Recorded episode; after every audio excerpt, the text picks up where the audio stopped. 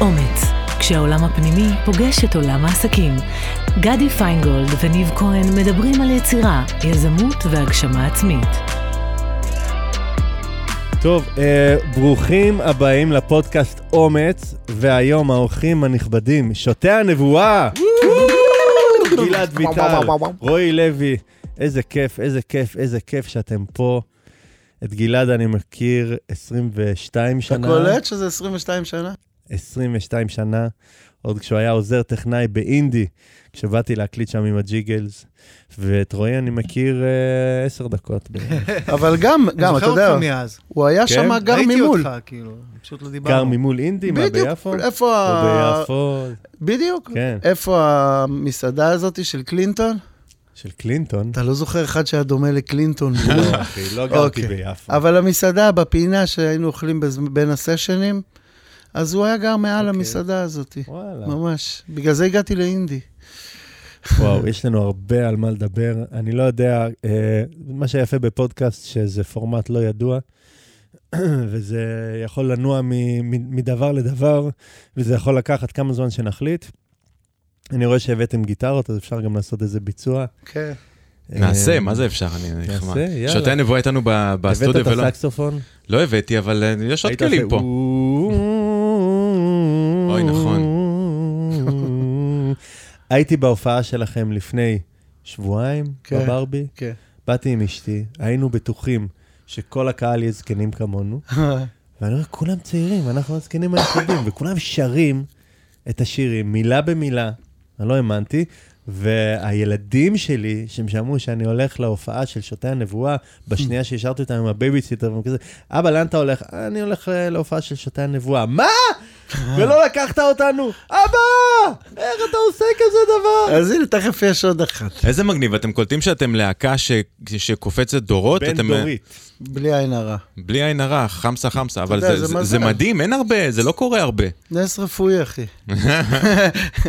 אתה יודע, זה, אתה, אני אומר מזל, וכל פעם שאני אומר מזל, זה נפתח לי למקום, זמן, לשון. זה זה בדיוק. הראשי תיבות. כי כנראה היינו באלפית השנייה הנכונה, ואתה יודע, והשירים והטקסטים, ומשהו תפס, וזה נשאר אה, והפך לקלאסיקה, אמן. סוג של... זה נכון, אבל עוד פעם, חוץ מהמקום והזמן והלשון, אתם יצרתם את זה, אתם הבאתם את זה מאיפשהו, אתם קיבלתם את הברכה הזאת, וזה בא אליכם, ויצרתם את השירים שלכם. זה, אתה יודע, זה קורה כל הזמן שאנשים יוצרים שירים וכותבים, ובכל מיני נקודות זמן כאלה ואחרות, ואצלכם זה באמת משהו מיוחד מאוד. זה שזה ככה קופץ, אה, אתה יודע, אני, אני בעצמי אה, חוטא ב...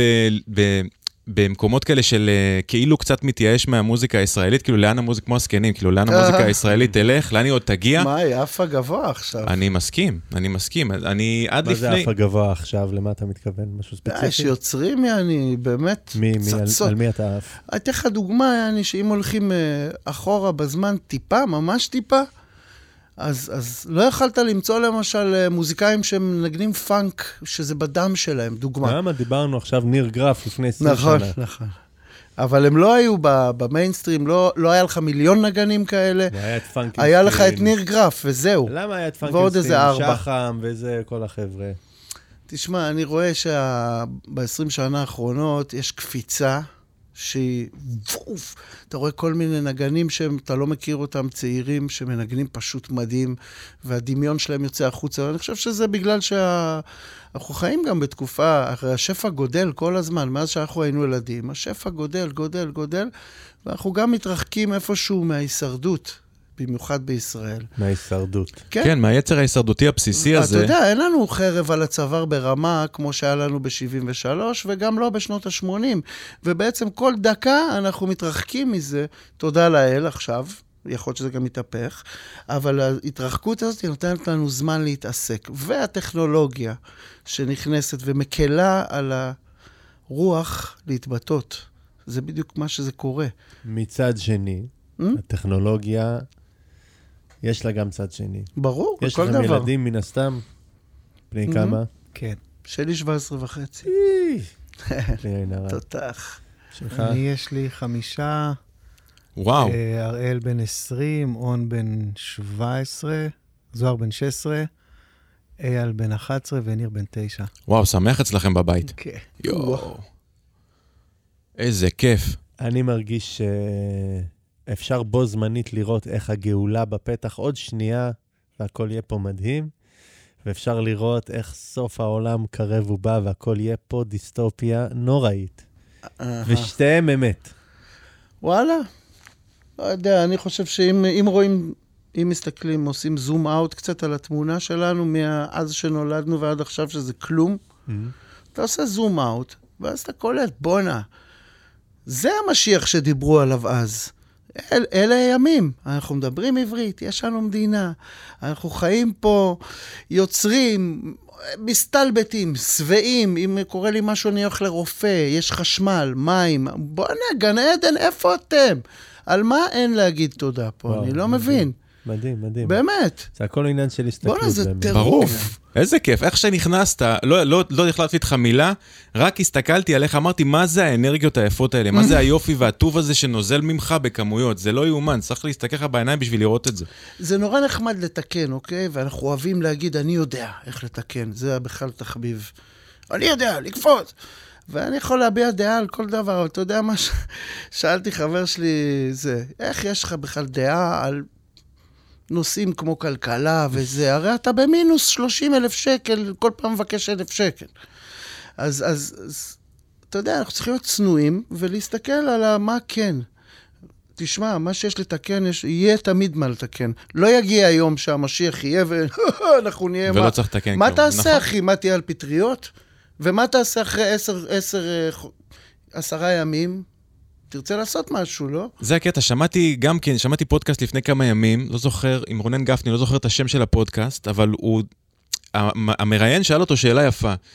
אה, הוא אמר שאם היו נותנים לך גלולה שאתה חי לנצח, אם הוא היה לוקח או לא. אז הוא אומר לו, תשמע, אני לא חושב שהייתי לוקח את הגלולה הזאת, כי אם הייתי לוקח אותה, ואין לי, לי את הדדליין הזה, שלי, שאני יום אחד מסיים את המקום הזה פה, אז כן. בשביל מה בעצם אני טורח? אין לך שום דבר לחיות אליו, אין לך שום דבר להתאמץ בשבילו או להספיק. אז אה, זה מאוד מזכיר לי את מה שאמרת. כן. אז רגע, אתה אומר, דיברת על הזום אאוט ועל המצב ההישרדותי, אז אה, אולי ספרו לנו קצת, לנו זה כאילו מובן מאליו, כי כבר אנחנו מכירים את הסיפור, אבל ספרו קצת למאזינים, מי אתם, מאיפה אתם, כמה זמן אתם מכירים, שזה סיפור מטורף בפני עצמו, איך נוצרה הלהקה שותי הנבואה. צ'יו. גם לפני זה, כאילו עד ש... לפני שתספרו, אנחנו בפודקאסט הזה יש לנו שלושה תתי פרקים פה, אחד זה אומץ במוזיקה, אומץ בעסקים ואומץ ברוח. אז אנחנו ניגע בשלושת הנושאים האלה. אני חסר, אני ביום, כנראה בגיל שלוש נפלתי במדרגות, ובדיוק הנקודה של העסקים, פח, קיבלה, זה לא עובד. אבל יש את אשתי ויש עוד אה, אנשים אהובים מסביב. אז אתם במקור שלנו. ממטולה. אה, אני, אני אתחיל לספר, אוי, זה ואנסה אבל. אה, לתמצת, כי הסיפור זה יכול להיות אה, סדרה של אה, 12 פודקאסטים, כאילו בפרקים. בכבוד. אבל עכשיו ב- לכווץ את הזמן, אז אה, בשנת, אה, אי אז, בשנת 80, שהיינו בני 10, נפגשנו במטולה. המשפחה שלו הגיעה מחיפה, המשפחה שלי הגיעה מ... עברנו מקיבוץ, אבל מאזור המרכז, ונהיינו חברים טובים במטולה. נפגשנו בקייטנה שאבא שלו ארגן. אבא שלו, אבא של גלעד היה, קראו לו, בכל אצבע הגליל קראו לו חיים דרמה, הוא היה איש דרמה, מורה לדרמה, והוא גם uh, בקיץ ארגן קייטנות. ככה מצאתי את עצמי בקייטנה הזאת, ומצאתי את הג'ינג'י, ונהיינו חברים. וזהו, והיינו עושים כל מיני הרפתקאות בילדות, ביניהם גם היינו כותבים על זה שירים, על ההרפתקאות באיזה שלנו. גיל? אני חושב שהשירים הראשונים נבטו כבר בגיל 11 עם להקת. הארנבונים. אגב, אנחנו יכולים לנגן את השירים האלה. יאללה, אני רוצה לשמוע את השיר מה? הכי אנחנו טוב של להקת לכם... הארנבונים. למה? למה את הכי טוב? גם את הגרועים. אוקיי. שנייה, אני צריך להוציא רגע, את הגיטרה. תן לו לספר את הסיפור, רגע. רגע, לא, תן זה, את אז הסיפור. סבבה, אז אה, באמת המצאנו, כאילו להמציא שירים היה חלק מה, מהחיים כבר אז. ובגדול נריץ את הסרט, נשארנו אה, חברים, אה, סיימנו את התיכון, היינו שלישייה של חברים, גלעד, אני וחגש, זה אח של אברהם טל. אנחנו היינו שלישיית חברים, אחרי הצבא נסענו לטייל במזרח, גם ביחד. חזרנו אחרי זה, התפצלנו טיפונת. לצבא הוא דילג. כן, מה, עכשיו ניכנס לצבא? אם אתם רוצים גם, אבל אה, אין זמן לזה. תקופת הצבא לא נפגשנו כל כך הרבה, ואני, אם אתה כבר שואל, אני אענה ספציפית. לא נפגשנו כל כך הרבה, אפילו די התרחקנו, ואם זה לא היה חגי שהיה אה, מקפיד על זה שאנחנו לפני הצבא כתבנו איזו אה, התחייבות כזאת, שבסוף השירות ניסע למסע בעולם הגדול. וחתמנו על זה שלושתנו. וואו. כל הכבוד. וחגי היה זה שדאג שזה באמת יקרה, אז אני חייב לתת פה את העניין הזה. כן, אני גם אגיד אה, שהשירות שלי היה אחר לגמרי, ומאוד השפיע על הסיבה בכלל שאני קשור למוזיקה. תסביר. ושירות בגולני, מה, מ-88 עד 91. ואיך זה השפיע על מוזיקה? עזוב, בוא לא... אפשר להיכנס לזה, כן? אבל uh, מעורבים בזה הרבה דברים אצלי פנימיים, שאתה יודע, אני יותר הייתי הולך לאזור של מכונאות וטכני, ולא סתם פגשת אותי באולפן כטכנאי, mm-hmm. כי הטכני אצלי הוא מאוד, uh, אני מת על זה.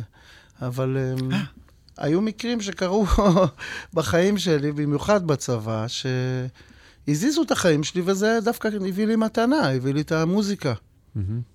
אז אה, כן. אבל כתבנו אז שיר דווקא, שפתאום אני נזכר מבחינה מוזיקלית, היה איזה קטע שפתאום אה, אני כתבתי שיר שקראו לו אחריי לקב"ן. כן. שיר רוק כזה, פאנק, וגלעד שר אותו. ואני שרתי אותו, ואני... כאילו... זה צריך להיות השיר שסוגר את הפרק. לא, לא, אני לא שר את זה היום. אז אה, זהו, אצלי זה הכי... אתה יודע, זה קשור, אצלו לא, אבל בסדר. לא, אצלי... גם לשמור על קשר בתקופה הזאת. אני חושב שגם הרגשתי קצת נחיתות אז, כי, כי הרגשתי שהוא מסתכל עליי כג'ובניק. וואלה. וכן, כן, כן, יש אני. חושב שהרגשתי איזה מקום כזה שאתה יודע, היה לו את התהילת קרבות ואת כל הדברים האלה, ואני הייתי אה, שבוז כזה עם אוזניות על האוזניים מתחת לאדמה, ועם כל מיני רעיונות אה, די אנרכיסטיים אז, וזהו, זה מה שהיה, זה מזמן נורא. רעיונות אנרכיסטים? לרעיון אנרכיסטי, כן. אה, אתה יודע, כזה, אחריי לקב"ן, וכל מיני שטויות כאילו כאלה קלטתי ש... לא, אני... לשלוח את כל הסודות ל... לא, עיראק. אה, לא, אני, אני הרגשתי משהו שאני מרגיש עד היום, שאנשים אה, מוצאים את עצמם כלואים או מסובכים, אינטנגלד, בסיטואציות היסטוריות, לובשים מדים ו, וכל מיני דברים. אנשים הם אנשים, ככה אני מאמין, שהם פשוט נולדים, ורובם טובים, אני חושב, אבל אם ה... זה קצת ג'ון לנון כזה, מה שאני אומר, אבל זה, אני עדיין מאמין בזה. אם ה... שאתה מתחברת לתוך איזושהי חברה ו... ומקבל את הערכים שלה ואת הדגל שלה, ואת... זה, אתה הרבה פעמים כאילו נתפס בתוך כל מיני סיטואציות היסטוריות שלפעמים אתה מת בהן, לפעמים אתה נפצע בהן, לפעמים אתה הורג בהן, לפעמים אתה... אבל זה, זה לא יש מלא, עכשיו... כן, אני מסכים איתך, יש מלא עוולות כאלה, לא בהכרח, אתה יודע, זה חייב להיות מוות וזה, זה מצד- נכון, אבל יש... מהצד שלי, למשל, איך שאני רואה את זה, מהמם. אני רואה את זה, אני רואה את זה כבדיוק הזכות שלנו, אחרי 74 שנה, שלוש שנה, להיות הדור הזה שמגן על הארץ הזאת. אז יצא לי במשמרת שלי להגן באיזה שנים בני... היית? תזכיר לי שוב. 88 עד 91, זה... שנים קשות, הכל אחי, קווים של... אינתיפאדה וזה. איזה אינתיפאדה, לבנון, אינתיפאדה זה היה צחוקים. וואלה. בטח. אז, אז הדברים האלה זה פתאום לראות את התמונה הגדולה, כמו שאני אומר. זכיתי להיות ברגעים האלה, להגן על עם ישראל, גלעד, בן של ניצול שואה, שעלה לארץ, אבא שלי עלה לארץ בגיל 11. לא ידע מילה עברית. הוא לא ידע מילה, כי הוא לא דיבר, כי הוא היה אילם. מהטראומה שהוא חווה, כי הוא איבד. את ההורים. אז אתה חושב, אבא שלי עולה לארץ בגיל 11, ואז הוא פוגש את אימא שלי שהגיעה ממצרים, היא ידעה ערבית, ושניהם מדברים עברית, פעם ראשונה שהם נפגשים, והם מולידים ילדים, ואני הבן שלהם, משרת בגולני ומגן עליהם כי הם גרים במטולה, ונתקע לי מחבלים ליד קיבוץ משגבם בשנת 89, שזה כמה שנים אחרי חזרתו של עם ישראל, והדיבור בעברית חזר, ולמה בכלל הגיעו המחבלים? כי אנחנו פה. אז אני, ככה אני רואה את זה, אני רואה את זה כזכות, הכל. תקשיב, זה, א', זה מאוד מרגש מה שאתה אומר. אני רוצה רגע לשאול שאלה בקשר לזה. אתה הרגשת ככה, אתה זוכר אם הרגשת ככה באותם רגעים שהיית שם ב, בשטח? מה? את, ה, את הפטריוטיות הזאת? אני מגן עכשיו על עם ישראל? כל זה הזמן. כן, זה משהו, אז היית בסנטר, זה היה הסנטר שלך המקום הזה. תשמע, אם אתה גדל במטולה, זה לא כזה סוד שזה לא אה, קונספירציה ששולחים את חיילי צה"ל אה, לתקוף אה, עמדות מחבלים. זה לא קונספירציה, צריך, כי הם יבואו להרוג ילדים, ולא בא לנו על זה. אבל רגע, ש- שותי הנבואה, שלפחות איך שנתפסתם אה, מהשירים שלכם בשנים ההם, Mm, אתה יודע, יהודי ארגנטינאי, ערבי זה אני. פלסטינאי, אה, איך זה הלך שם? זה לא? משנה, כולם בני אדם וכולם כאן. כן. שמע, זה עדיין... ואף אחד לא יעזוב עזוב פה. פה. אתה עדיין עומד מאחורי זה, אתה לא עומד מאחורי זה, אתה אני- חשבת ככה אז, כשהיית כן. בצבא? לא. כי רועי פה אמר משהו אחד, ג'ון לנוני, ואתה פה אמרת, אנחנו פה. בשביל להילחם. כן, יש יפה. פה איזשהו אה, אז זהו, קונטרסט רציתי קטן. להביא את הגישור. דבר ראשון, יש קונטרסט. הוא יש. שמעון ואני לוי, והוא החרב, וה- ואני לוי זה החושן. החרב, אני גם לוי, אחי, לא, סבבה. אהלן. אבל, אה, אבל הלוויים אה, זה- זה גבורות, זה דינים, אחי. אני רוצה לקשר את המצב האנרכיסטי שהייתי בו בצבא, איך בעצם, אבל בשנה האחרונה של הצבא, אני קראתי את התנ"ך מלא פעמים עוד בתיכון. בשנה האחרונה של הצבא קראתי אותו עוד פעם, כאילו, ואחרי זה כל הטיול בחוץ לארץ הוא כל הזמן היה איתי. קראתי תנ"ך תמיד. לא רק תנ"ך, גם את הברית החדשה. ו... והמסע הזה בעולם, בעצם, כשחזרנו ממנו, כאילו, כשאתה ישראלי, אתה שואף כאילו לאוניברסליזם, אתה רוצה לראות כאילו מה יש מחוץ לאקווריום הזה שאנחנו חיים בו, אתה רוצה לשחות החוצה. ו- אבל בסופו של דבר, אני חושב שחזרנו, אז הציונות דווקא התגברה, והמקום הזה של, אה, אחרי שאתה רואה מלא סדואים, הודואים, ועוצר איתם לשחטות, ו- ו- ורואה כל מיני דברים, ו- ו- וכל מיני שבטים, וכל מיני תרבויות אתניות, ועם השפות שלהם והריקודים שלהם וזה, הישראלי שמטייל, אני חושב שאני חלק דומה, הרבה פעמים הוא חוזר, אז מי אני בכל הת- התמונה הזאת? ואני חושב שכשחזרנו, וכל ה... כל הרעיונות של שותי הנבואה, שמאחורי שותי הנבואה יש ממש, אה, יש תיאוריה שלמה. נו, נו, בוא נשמע את מה? האידיאולוגיה של שותי הנבואה. אחרי זה, שנייה, נפתח כוכבית. אה, אה, אה, תכף, אנחנו, כן. מעניין. לא, אני אכנס לזה, תזכיר לי. כן, באנו ממש עם אה, אג'נדה, עם איזה רעיון, עם איזה חזון, ש, שמשימה שמוטלת על כתפינו, ממש. וזה התבטא בשירים, כי, כי הבנו שבעצם אה, הדרך ה... זה גם מה שיצא ממנו באופן טבעי.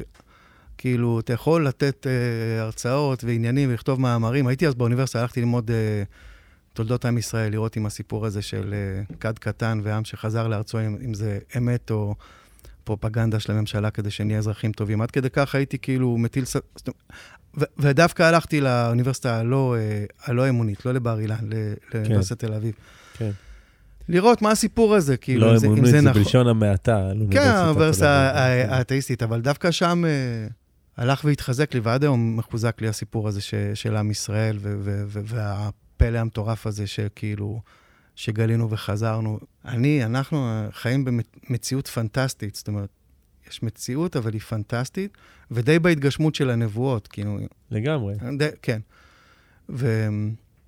וזה היה שם ברקע של, אה, של הכתיבה של השירים של שותי הנבואה, ולא לא סתם גם אימצנו את הסמל הזה של מגן דוד עם רימונים. נכון.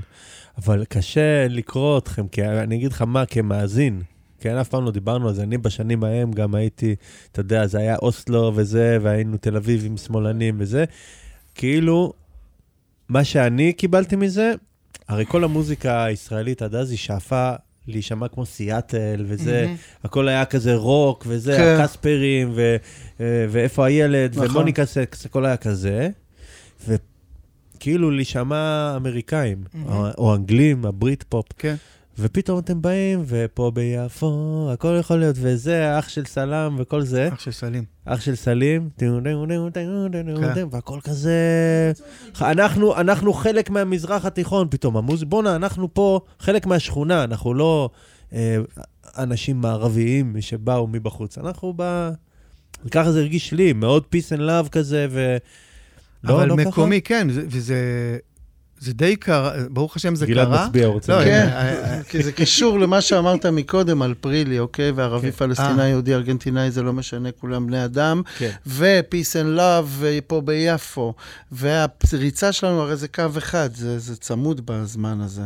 עכשיו, מה קרה אז בעצם? אני זוכר שהיה את התהליך הזה. אני בשבילי, כשיצאתי מהשירות שלי בצבא, חבול ופצוע, אתה יודע, אתה, וואו, פתאום מודיעים לך שזהו, יותר זה לא יקרה לאף אחד, ויהיה שלום. וזה, ואני, כף- הלב שלי רצה לקפוץ על המציאה. כן. וכמובן שלא הסתכלתי ימינה-שמאלה, והאמנתי למה שאומרים לי. וגם, אה, אתה יודע, זה חלום של כל אחד שיהיה שלום. אף אחד לא, וואי, איך בא לי שתהיה מלחמה, איזה מגניב. ברור. אז, אז אתה הולך על זה בלב שלם ואתה מאמין, אה, והכל בסדר, אתה יודע, זה חלק מההבנות של העם שלנו בארץ ישראל, אז, אז עברנו את זה. אני חזרתי להיות אה, גלעד בהבנות שלי של, שהייתי תמיד, גם שהייתי בשירות, אתה יודע, גם לפני זה. שמה שאמרתי הבן מקודם. של הניצול שואה. כן, בטח. זכותנו להיות פה טוטאלית, כאילו, אני, אין לי פה שאלה, אני לא מתווכח גם עם אף אחד. Mm-hmm. ואז בימים ההם, כן, נסחפתי לה, נסחפתי. ברור שהלכתי עם האשליה הזאת שהולך להיות פה שלום וזה. כי אז לא ידעתי גם כן איך האזור הזה מורכב, אתה יודע, לא, אתה לא יודע, אומרים לך פלסטינים, סגרו לך אותם ב... הנה, יש לך מסגרת וזה פלסטינים. אתה לא יודע שאלה הפלסטינים לא קשורים לאלה הפלסטינים, ואלה גם לא קשורים לאלה, והם בכלל מאות שבטים שאין עליהם שום uh, קשר, והם לא, בכלל לא, לא קשורים לעם, סורי, כאילו, שזה גם אחלה להיות שבטים. גם עיראק ככה, וסוריה. כן. אז היום אתה מבין שזה לא היה יכול להיות, זה, זה, תעשה שלום עם ההוא, יקפוץ לך ההוא, תעשה עם ההוא, ההוא יקפוץ לך, ההוא שונא את ההוא עוד יותר. אז מה אז זה- מה יהיה פה? הנה, עכשיו אה, רואים... כמו את זה. שעכשיו, אחי, גן עדן.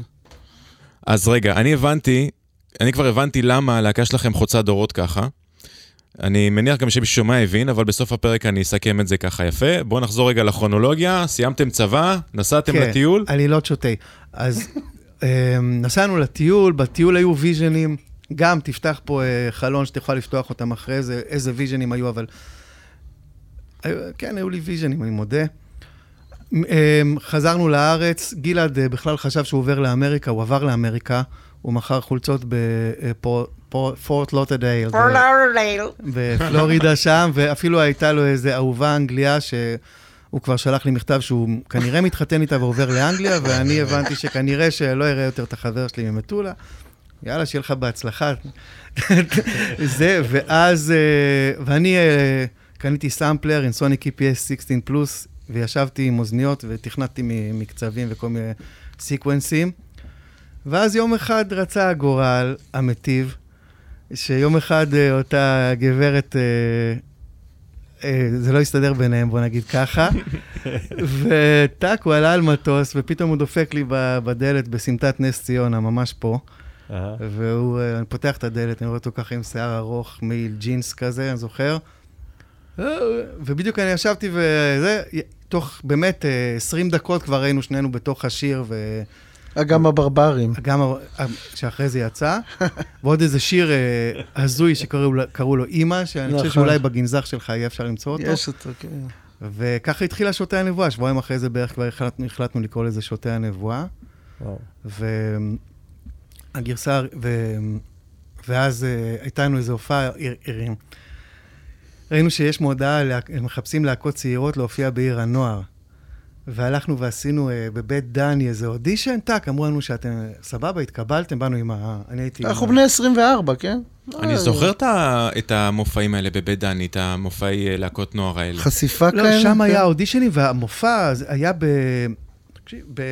איך קוראים לזה? בלונה פארק שם.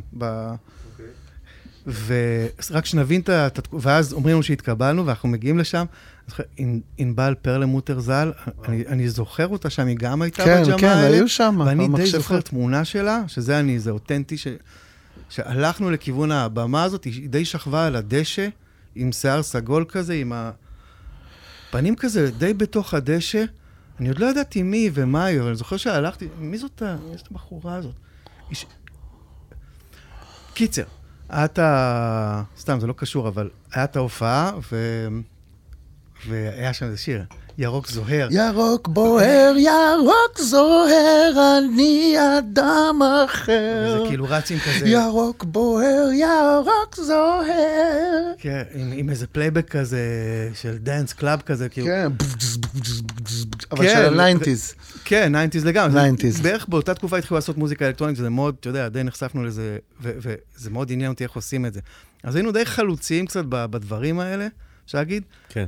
ו- וגלעד הביא את כל, אתה יודע, את האנרגיות. וקיצר, יואב קוטנר שהיה שם, הוא, אני זוכר שהוא, אה, מי אתם? וזה, וזה, הוא בא, דיבר איתנו, התלהב כזה, ואז הוא סידר לנו אה, הופעות אצל רונית יניצקי אה, במרתף העליון של בית לסין. וואלה. כן, ושם התחלנו להופיע. במרתף התחתון זה קראו לזה. ה- זה כל הקטע. המרתף. לא, אה, לא, המרתף העליון, אתה היה שם צודק. המרתף העליון, כן. כן, כן. וסתם שתבינו כמה זה קדום, הלהקה שהייתה לפנינו, קראו להם איזהופ, זה היו איזהופ. 1, 2, 3, יש לי מסיבה. זוכר אותם. בעצם זה היו הם-. ואנחנו. זה היה היפ-הופ כאילו הראשון. כן, כן. זה היה כאילו, הצמידו בארץ. אותנו לאותו אחר הצהריים ערב, ואנחנו אה, כבר התחלנו להופיע עם אה, רקדנית, עם אתי צופיה. שנינו היום- ורקדנית. שנינו ורקדנית. אתי צופיה, אני פגשתי אותה שהייתי... אבל מה נותן את הביט? הסמפלר. אוקיי, זהו? איזה הוא ניסה. לא, והרבה פעמים גם אני הייתי אה, עושה זה ראשים עם גיטרה גם. שתכננת? האינסוניק, הוא לא מזמן נזרק. יואל שין, יואל שין. איך אתה זורק כזה דבר? שניגן איתם. גלעד זרק אני. זרקתי. הוא כבר היה רק דינוזאור ונפרדנו ממנו. אבל אבל ככל ש... עכשיו שהוא אבוד, הוא עוד יותר קדוש. כן. כן, ככה זה. הוא ב... כן, הוא ב... איפה הוא? בגן עדן האם הוא הסמפלרים. נגרס? האם- הוא מצא אותו מוזיקאי הוא והוא מנגן בו. עכשיו? עכשיו הוא בן קיניה. כן, זה- הגביע הקדוש, זה... סתם. קיצקר, עם אתי צופיה הופענו, והיה כזה, התחילו... לבוא והיה את יואל שין, זה מה שרציתי. אבל הוא עזב אותנו באמצע הלהקה. כן, כן, באמצע הלהקה. הבריז לנו יום לפני הופעה, זה היה נורא, טראומה נוראית. אבל היה איתנו, הוא עזר לנו, כי הוא היה כן. מוזיקאי, ואנחנו היינו שני אהבלים. זה היה הגלגול הראשון.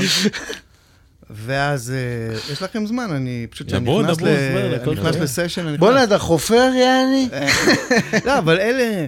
אז ב- ואז שלחנו, הקלטנו את ה- איזה שני שירים, ושלחנו אותם לכל מיני מקומות, והיה איזה אולפן שקראו לו טומיקס ברעננה, והם התקשרו אלינו, זה היה קסטה עם המספר. אה, אתם טובים, אתם כמו ה Beastie Boys, וזה, בואו, בואו אלינו לאולפן להקליט חינם, כאילו. נשקיע בכם. נשקיע בכם. הם הראשונים שאמרו לנו, נשקיע בכם. ואז באנו לשם, והתחלנו שם תהליך של הקלטות, ובדיוק, סטאק, תוך כדי הדבר הזה, עכשיו, טוב, אה, סיכה לפני זה, פתאום אני לא... פוגש את עמית כרמלי. כן, אבל לא היינו שם אף אבל פעם מי הוא עמית כרמלי בכלל? מי הוא עמית כרמלי? נו, עזוב עמית אותי. אז אנחנו נחזור שנייה עם גיל. אז מה? אני אני אתקצר את זה או שאתה אני תגיד אדפוק מי את זה עמית? בטיל, יעני? דפוק את זה יאללה. בטיל, יאללה. טוב, אז שאימא שלי, כשסיפרתי לכם שהיא באה ממצרים, אז היא באה למעברה בקריות. ובמעברה בקריות היא פגשה ילדה שהגיעה ממרוקו, תמר ורינה. רינה זה אימא שלי, תמר זאת אימא של עמית בעצם לעתיד. חברות, גודלות. גיל 18, כל אחת הולכת לדרכה, נפגשות ב-24 לראשון 1970 בבית חולים רוטשילד. תמר ורינה ילדו את גלעד ואת עמית באותו יום.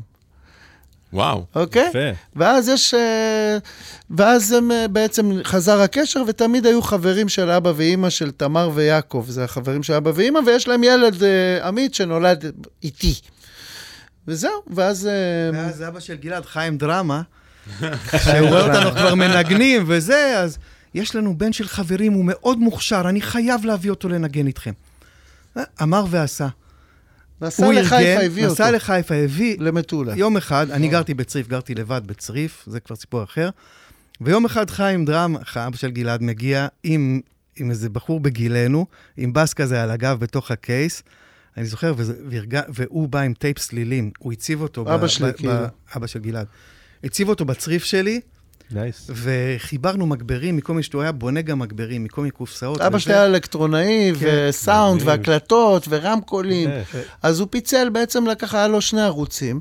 לקח ערוץ אחד, נתן אותו לשירות, וערוץ אחד לבס. והזה של השירות גם תפס את החדר. והתחיל שם ג'ם כזה, שהיו שם, סתם, תבינו כמה זה grass roots, כאילו, אנשים. אח של גלעד, באותו זמן נשוי לאחות של אברהם, לאחות של אברהם טל, לס- לסנדרה. וואלה. כאילו, וחגי שם, וסנדרה, אבי לא היה, הוא היה יותר קטן אז. כן, הוא לא, ו- ישן כבר. וניגענו, ובג'ם הזה גם יש איזו גרסה מוקדמת לתשאירי לי פרח, זה מאוד מעניין, וואו. שזה היה באנגלית בכלל. איך זה הלך באנגלית? If I be too shy to try, I send you a flower. Send you a flower. Send you a flower. Yeah. But if the world will come to its end, I'll bring the flower right away, right away, right away. anyway, בסדר, סבבה. רגע. איך הם טייפ, כן, כן, זה לא יאומן. אחי, אני אוהב? We are the scorpions of Jamaica. בסדר. ואז אם נרוץ עכשיו... רגעי, זה כאילו היה הקטע שלכם, רגעי. אז. מסתבר שכבר מאז, היה לנו איזה טאץ' לרגעי, אבל לא במיוחד. לא לא לגמרי ידענו. נשמע רגעי. כן, אבל לא ידענו, וזה גם... לא ידענו, ותכלס, זה רגע. נחשפנו עד לרגע, הפרח. נחשפנו לרגע באמת בטיול הזה אחרי הצבא. שם הם נפלו, הוא וחגה הביאו איזה קסטה שהיה כתוב עליה רוץ, ושמענו אותה עוד פעם, עוד פעם. היום אני יודע להגיד שזה היה קונגוס, וזה היה מרקוס גרבי, וזה היה יו מנדל. והי ג'מן לוי. ואי ג'מן לוי, שאחרי זה, מזה נולד השיר חולון, how long, how long must I live my life in the ghetto. Ghetto life is not easy.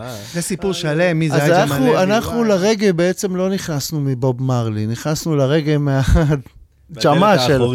מהג'מה שלו שהיו איתו, כולם יש להם צילומים איתו. רגע, אני רוצה. לשמור על הנרטיב. כן, נרטיב. אוקיי. נרטיב, רעיון טוב. כל הכבוד. נאמן כשאומרים לנרטיב. נרטיב, אני שומע את המילה שקר, אבל זה לא נכון, אני יודע שזה לא נכון. השתלשלות העניינים, לא. קרו מלא דברים, אבל חלק מהם היו קשורים ללהקת שותי הנבואה. באותו זמן גם קרו מלא דברים למלא אנשים אחרים. אתה מבין? זה ההוויה. כן. באותו זמן בכלל, מלא נכון. ילדים ועניינים ואהבות בסין, ואל תשאל. אבל אצלנו, מה שקרה ב- בליין של הסיפור שלנו, זה שאני הלכתי לקנות אה, רגליים למקלדת, ל-EPS 16 פלוס, זה, בכלי זמר. ואז אה, אני, היה תור לקופה, ואני רואה איזה שניים מג'מג'מים שם. אחד על בס, אחד על גיטרה, וסופר גרוב זה. אז אני כזה, היו לי כמה ראפים כזה בכיס, אתה יודע שכבר שיננתי אותם, ובאתי ויריתי איזה צרור אחד כזה על הגרוב שלהם, ואז ראיתי שהתפנה כזה התור, והלכתי לשלם, ואז הבן אדם עם הבס, אני רואה שהוא בא אליי כזה, הוא אומר לי, בואנה, זה היה מגניב, זה... זה, אה, מה, איך קוראים לך? בוא נחליף טלפונים. והוא מוציא כזה פנקס כתום, ואני אומר לו, אה, רועי, איפה זה? אז הוא מסתכל, רועי? אני קורא, עמית? וואו, מה קורה איתך? וזה, יואו, אני לא מאמין שאנחנו נפגשים, וזה, מה עם גלעד? אני אומר לו, "אה, למעשה, אני וגלעד בדיוק התחלנו להקה, וזה, אפילו יש לנו חזרה היום בערב. וואו. אתה רוצה לבוא? כן, אני מגיע. כמו- באגדות. ממש, זה היה ממש. ככה. ממש. ממש וזה זה היה הבן ככה. של... אתה זוכר את הסיפור כן, עם כן, האמהות, כן, זה כן, מטורף. אז ואז הוא בא, ו...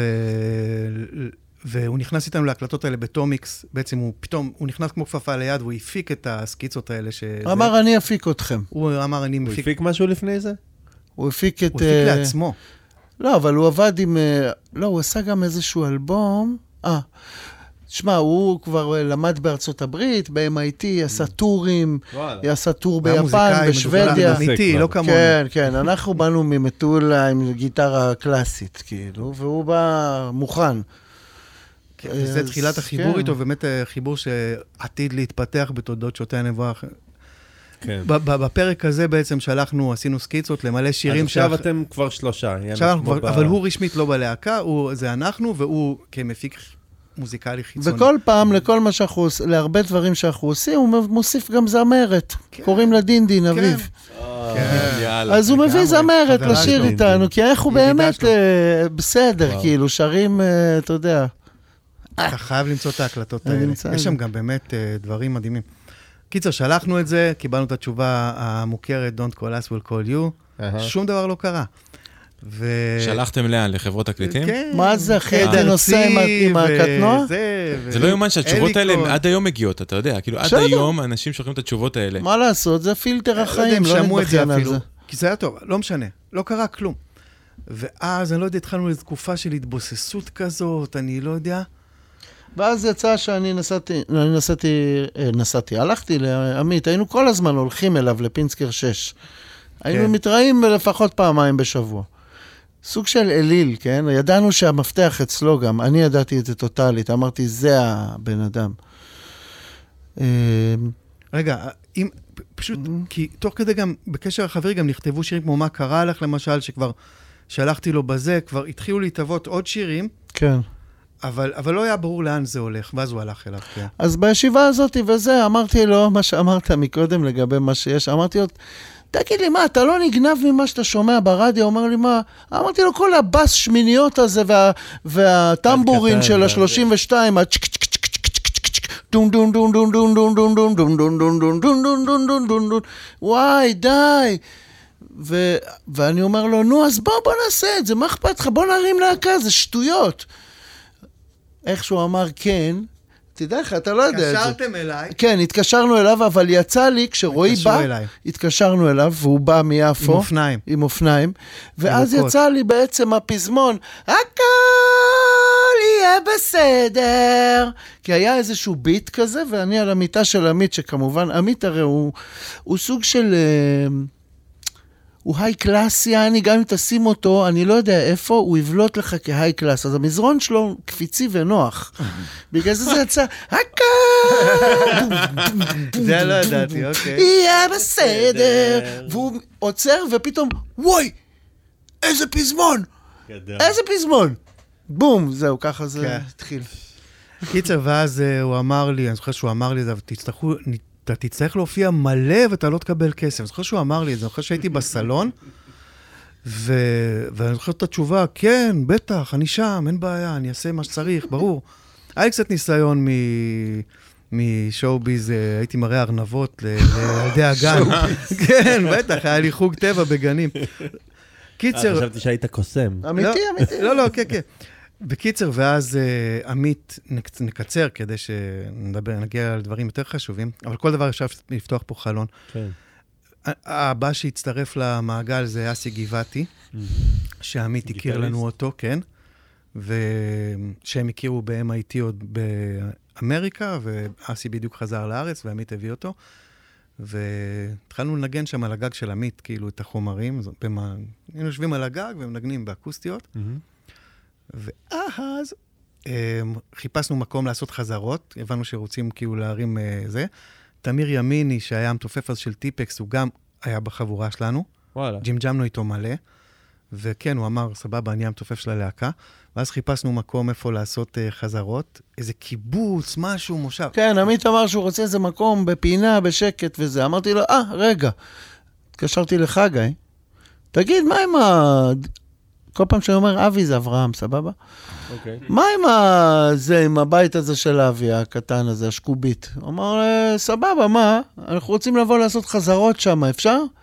הוא אמר לי, אתה יודע מה, היום בערב אני מדבר איתו. I beg יאללה. the differ. מה ש... זה די דומה. אה? זה די דומה. לא, אוקיי. תמיד שיש חילופי גרסאות זה, זה עוד יותר זה. אוקיי. כי מה שאני זוכר... אלה ואלה דברי אלוקים לא, חיים. נכון. מה ש, ש, שבדיוק? אבי נסע למסע גדול, הוא רצה כמונו, גם לנסוע לשנתיים כזה במזרח, סתם, לא שהיינו שנתיים, שנה. אבל, והוא, הייתה לו פה מישהי שהוא היה מאוהב בה, ואחרי שבועיים הוא היה יותר מדי בגעגועים, עשה יוטרן חזר. הוא יצא למסע לא, אבל זה הגדול. לא זווית שונה. משנתיים לשבועיים. מה? כן, כן, כן, ופתאום הוא כאילו הגיע עד אמסטרדם וחזר. אוקיי, זה לא זווית שונה בכלל. ואז בדיוק ש... לא, אתה פשוט קפצת, ו- כי אתה יודע הכל. מה נכון? שאני זוכר מהחוויה שלי... אבל זה לא, עוד לא הגעתי לשם, וסתם אוקיי, קפצת. אז אתה דיברת עם חגי, סבבה. זה מאוד לא יפה. לא, אני בכלל זוכר, לא. שאתה לא היית דלוק כל כך לנסוע לשם. אז uh, התקשרתי לחגי, והוא אמר, אה, אני מדבר עם אבי היום, בערב, כי זה הטלפונים, היום טעמים, מתי מדברים, היום הוא צריך להתקשר. טוב, מדבר איתו וזה, ההוא אומר לו, בטח, ואני גם מודיע, אז הוא הודיע להם שהוא חוזר למשפחה, כי די, לא בא לו, הוא היה באמסטרדם, וזהו, חוזר. אז חגי, אני מתקשר הוא אומר לי, כן, אין בעיה, תבואו עוד זה, עוד איזה יומיים, גם אבי חוזר, אז זה קלאסה. יאללה, מגניב. מגיעים לשם, ככה זה היה, והנה, זה הסי... עוד מה שסיפרת, אבל בסדר הנכון. בקיצור, הגענו לשם עם תמיר ימיני ועם אסי ועם עמית ועם גלעד, לבית של אבי ב- ב- בנווה עתיב. כבר היו שם מערכת תופים באמצע, כי אבי כבר היה Mm-hmm. אז מתופף של... וואלה. כן, ב- ב- ב- היה ב- מנגן, אה, בתיכון שנים. הוא היה מתופף. הוא לא היה שר? לא, הוא היה מתופף. די, היה מתופף. והסיפור, רגע, יא. והסיפור עם, הטיול של השנתיים שבועיים נכנס עכשיו, כאילו אחרי ה... כאילו, אנחנו כבר, באותה תקופה כבר, זה היה אחרי שחזרנו מהטיול שלנו, כבר היינו איזה שנתיים, שלוש בארץ. כן, כבר ואבי התחלנו חזר, לס- להרים זהו. את הלהקה, הוא יותר צעיר מאיתנו, אז הוא בדיוק השתחרר מהצבא, נסע וחזר, וככה בסופו של דבר התלכדנו כולנו. כי הוא האח הצעיר של חבר שלכם. נכון, כן, צעיר מאיתנו בשבע קטן. שנים, כן. בשבע שנים, וואלה. זה אה, טלנובלה, בואנה, זה 800 פרקים מלא, בטלנובלה. ו- ואם אתה לא נכנס ל zoom in של יום אחד, זה לא מצחיק. אנחנו כרגע ב grid line של הסיפור, אבל כאילו לעשות אנחנו רק צלילות פנימה... ב milestones, כן, רק באבני דרך. נכון, תעשה פה ככה סימונים פלאחים. בדיוק. אז בסוף הגענו, ו... ואיך שהגענו, ממש היה טלאק, קליק מוזיקלי מטורף. אנחנו פותחים אבי. את הדלת, הוא יש לו, הוא השיג שני רמ... אני, אני ואבי, היינו חולים על הרמקולים. הוא השיג שני רמקולים של PA גדולים של פעם, הוא לקח אותם מהדיסקו של נווה עתיב. והוא שם שם סיזלה, את הסיזלה הזה, בווליום. והוא עם מיקרופון, ואנחנו פותחים את הדלת, ישר, זה היה הצטרפות, ואף אחד אפילו לא, לא דיבר על הלהקה. לא, כולם נדלקו. איך, זה ברור שהוא איתנו, אחרי זה, אחרי כמה ימים, אמרנו, טוב, אז נשכיר דירה, אז אבי יבוא לגור איתי ועם עידן. וזה מה שקרה. ואמרתי להורים שלו, סבבה, אני שומר על עלק, אני שומר עליו. היה, באמת זה היה ככה, ככה נוצר פה ביפו. בסשן הזה של הדלקה הראשונה הזאת, הוא לא נוצר, הוא, הוא קרם עור וגידים, כי, כי כשכתבתי את המילים של יפו, אה, זה בכלל היה ש- כן, ה- כן. ה- ה- הרעיון, יש את השיר הזה, Streets of London, אתם מכירים? Have you seen the old man? נכון, נכון. אוקיי. Let me take you by the hand and lead כן. you through the streets of אז London. אני גרתי ביפו, והייתה לי כזה תחושה, וואלה, אני בא לי לכתוב שיר ליפו, כמו שהוא כתב שיר ללונדון. אז בהתחלה זה היה על המנגינה ש... אה, חי משת"פ משת"פ שכח מזמן כבר שקראו לו אחמד, כשהוא עזר לתפוס מבוקשים, והיום הוא חי ביפו בלי שפם אבל עם פחד, שיפגעו בו אנשים קשים. לתמי הזונה יש חדר בשדרות ירושלים, היא מגדלת לבד את הילדה, לפעמים כשאין קליינטים אחרי הצהריים, היא מנדנדת אותה בנדנדה. זה היה... גדול. יא אללה. יש תרגיל כזה שברימון, יהודה עדר נותן אותו. אה, הוא עושה את זה? כן. של לקחת שיר, זה כאילו מה שנעמי שמר עשתה עם Let It Be ולולי כן, היא. כן. לקחת שיר ולכתוב לו מילים, ואז לזרוק את הלחן ולהלחין את זה אחרת. אז, אז זהו, שרועי הביא את זה, וזה היה, וואי, איזה מגניב וזה, אני נגנב מהמילים, אבל אני תקוע לי משהו, כאילו, לא עובד לי, כי זה לא שלנו. אז עמית אומר לו, לא, ואז פתאום עמית אומר, תביא, תביא. של הסיזלה, אני ממש זוכר את זה. גדול. למה הזכרתי את זה? אה. התחיל. ופתאום התחיל, חיים המשת"פ שכח מזמן כשקראו. לו אחמד, וזה פתאום כאילו המריא לרגמאפין הזה. יס. כן. יא אללה. יא אללה, בוא, יפה, אתה- אני, אני, עוד, אני עוד לא מצליח לעכל את כל הדבר הזה שקרה, זה, כאילו, אני, אני מכיר את הלהקה, מה זה מבחוץ, מה, אתה יודע, מה, מהמקום ה... הכי הכי רחוק ולא לא, לא עמוק ופנימי של ה, שלכם, והסיפורים האלה מפעילים לי את הראש, זה, זה הדבר, הח- זה, זה היופי. אתה מכיר את המוצר הסופי. שזה נכון. כאילו, ה- הכניסו אותך למטבח. רגע, מה זה אני למטבח? זה לא מה למטבח. זה זה עוד לבנייה של המטבח, זה כזה, זה, זה פשוט כיף לשמוע את זה. זה אפרופו אומץ, כאילו, אתה שם לב כאילו מה, מה קורה פה, ב, ב, ברמת ה...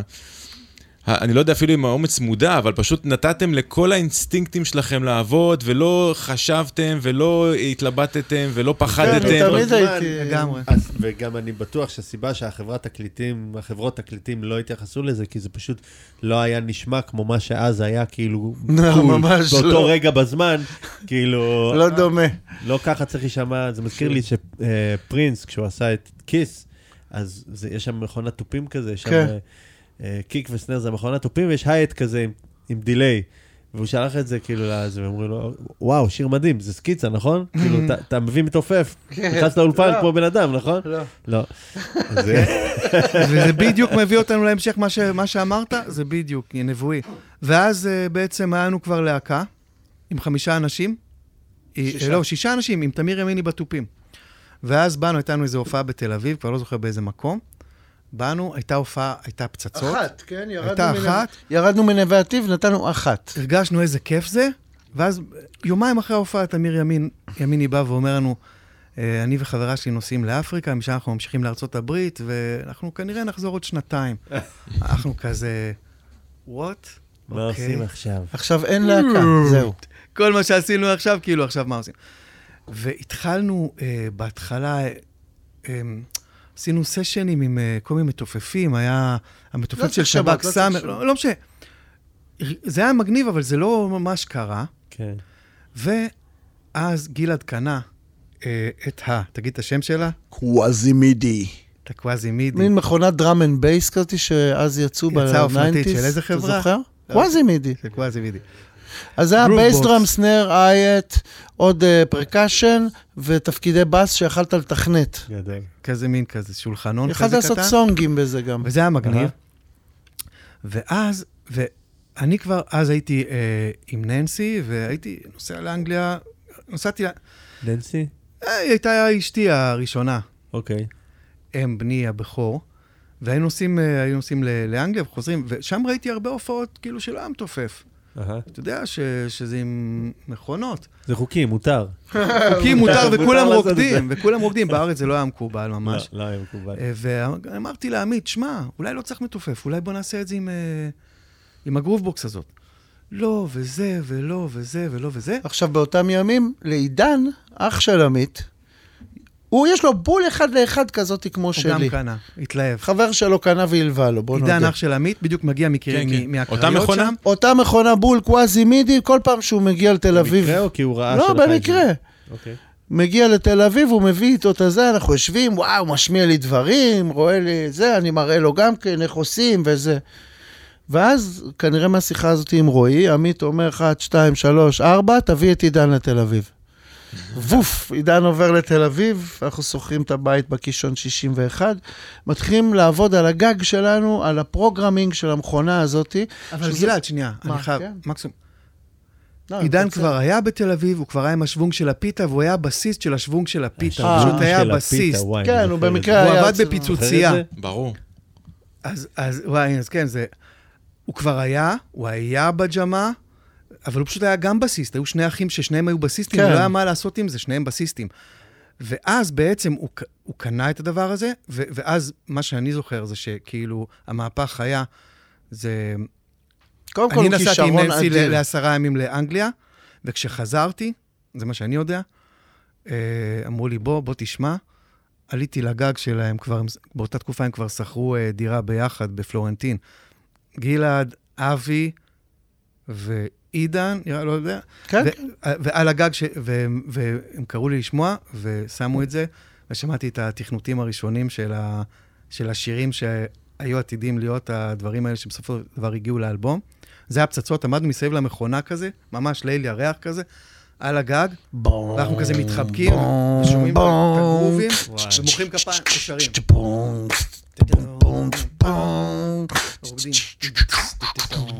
אז פשוט הרגיש אז- הדבר האמיתי. וגם, אה, וגם עידן הוא וואחד יעני כישרון. אתה תגיד לו עכשיו, עידן, אני רוצה שאתה תלמד עכשיו להיות מכונאי קטנועים. תראה לו מה זה מכונאות קטנועים, הבן אדם תוך שעה נהיה לך מכונאי קטנועים הכי טוב שראית. גם לנגן, הוא פשוט, אני תמיד הייתי אומר לו, אתה נזכר בדברים, אתה לא לומד דברים. אתה רק נזכר בהם. אז הוא עושה את ה programming. האלה, אוקיי. בקיצר, ואז התחלנו להופיע עם עידן שהוא שולט על המכונה, וכבר היינו השישה. אז ש- מי זה השישה עכשיו? השישה. אתם? זה גלעד, אני, עמית, אבי, אסי גבעתי כן. ועידן כרמלי. כאילו, האחים כרמלי, כן.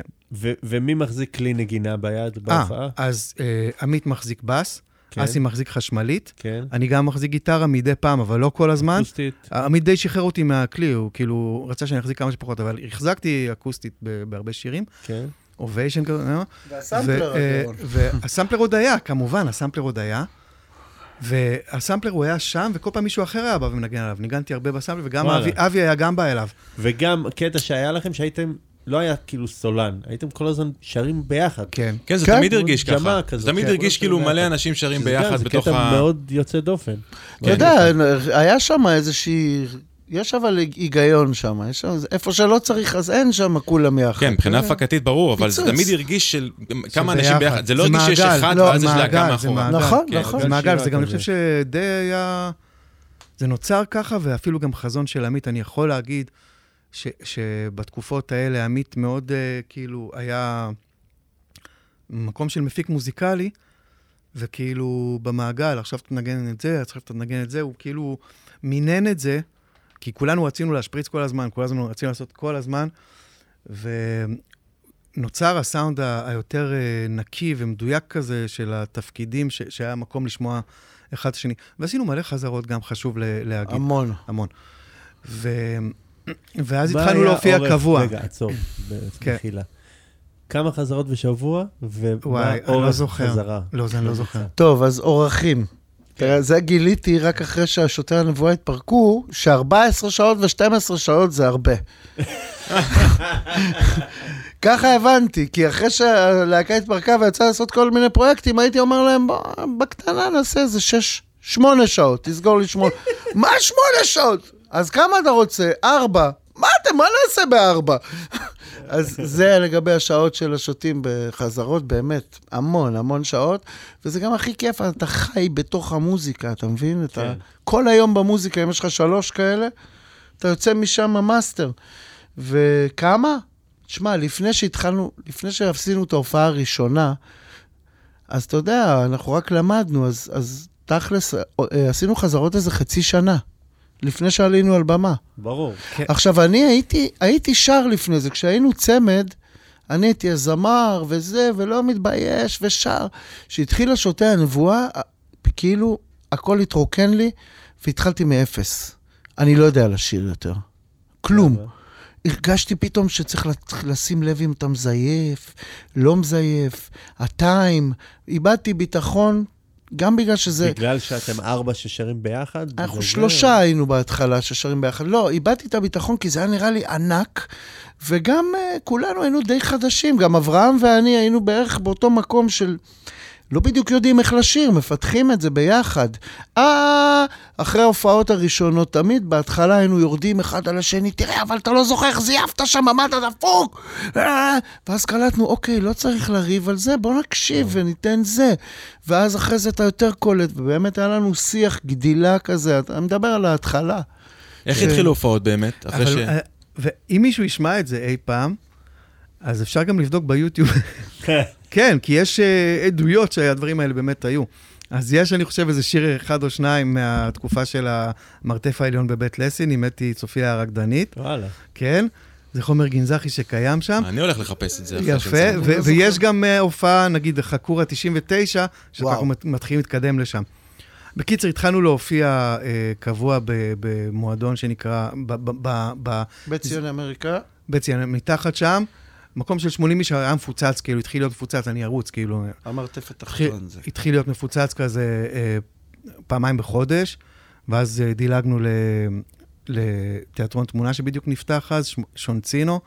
ו- ושם כאילו הסצנה גדלה, ואני זוכר שכאילו הייתי בא, המפוצץ, פתאום התפלאתי, מה כל האנשים האלה עושים פה? כאילו, ו- וגם התחלנו לעשות איזה פעמיים בחודש שם, ואז במקביל הייתה התקופה של הפסטיבלים, אה, כן, הייתה תקופה של הפסטיבלים, שנטיפי ובראשית וכל כן. זה, ו- ובהתחלה עשינו אה, את הבמה הקטנה, ואני חושב ש... במקביל, אמ, אליקון, האיש ה-A&R של אליקון, שקראו לו, גדי גידור? נכון, כן. טוב מאוד, וואו. אז הוא, אבל זה לא אני היה קיבלתי הרבה מכתבים לא, מגדי זה היה גידור. גדי גידור, זה היה. גדי גידור. זה היה גדי גידור, הקפצת לי את השם, באמת, אני אני קצת פשוט מתחיל להיות קיבלתי ממנו הרבה מאוד כדאי- אה, תשובות שדיברנו עליהן מקודם, על אה, חומרים שהייתי שולח. טוב שאנחנו זה- מדברים את הדברים האלה, כי- כי הארדיסק יימחק נו, בסוף. אבל מה הקטע שלך? אז צריך הוא בא? לאחת כן. מההופעות בתיאטרות תמונה, והוא נדלק עלינו, והוא אה, רצה שנעשה פרזנטציה להליקון. ואז זימנו אותנו לאולפנים האלה, זזה כפרה שם. שלי, נשמה, זה לא גדי גידור, זה ההוא שהיה גיטריסט באיזה להקה, ויש לו תסרוקת קצת כמו שלך. נו, זה גדי גידור, לא, אבל. גדי גידור לא נראה ככה. אז איך קראו לו? היום הוא לא נראה ככה. הוא היה גיט- גדי גידור הוא גיטריסט? זה היה גדי גידור. והיה בלהקה? אני לא יודע, אבל זה היה גדי גידור, כי השם לא, הזה מוכר. באיזה שנה? גדי גידור? אני מכיר אותו, אבל מ- זה היה שנות לא ה-90 קשור. איפשהו? לא, כן. זה- 2000? אה, זה היה לא, זה קרוב ל-2000, 98, 98, אחי. 9, 99. אתה לא מדבר על יהודה עדר. אוקיי, לא. בסדר, אוקיי. אז לא משנה. האי-אנדר של בתקופה. נעשה- אנחנו נעשה פוטנוט של בדיקת. גרסאות. זה. אודי אניס אתה גם זוכר, נכון? זה היה אודי אניס. אה, עכשיו זה אודי תוריד את אניס. הוורידים, זרוק, רק- די, גמרנו. זה היה רק אודי אניס, זה אתה לא היה מישהו אחר. אתה יודע אוקיי. שכשאודי זה לא היה גדי גידור. אודי הגיע, זה היה אודי אניס. אז הוא הניס איך אני אותנו. שונא לטעות ולחשוב שאני... לא, נשמע לי מוכר כי כזה. כזה אבל. חשוב לך, כי זה שם מוכר כזה של כזה גדי. חשוב לך, שידעו שאתה יודע. לא, מה אכפת לך? לא, אני פשוט רוצה שיהיו יתדות, מה אכפת לך? יתדות כאלה שמאמתות את הסיפור. וזה שהוא אמר, אבל גם גדי גידור היה מעורב באיזשהו שלב. לא כנראה. הוא היה, כנראה אבל זה התחיל החפיפה. במקרה שלנו זה היה אודי אניס. אז אימנו אותך- יסלח לי אודי אניס, ש- שבאמת, סליחה. רגע, אימנו לא אתכם- לפרזנטציה, לחברת. תקליטים. נכון, זימנו אותנו באולפני זזה שם, הם ישבו על ספה. זזה שם זה מה כל שהיה ב- הגוורדיה של הליקון מה יושבים... שבצפון תל אביב, בצומת הפיל. נכון. ברמת השרון שם. נכון, כן. אה, לא רחוק מהבית עלמין שם, כן, אה, כן, של כן. שאול, משהו. אז הם כן, ישבו שם על- הספה, קריית כן. שאול. ישבו כזה רוני בראון ותמי סטמרי ורולנד קול וכל הג'מעה שלהם.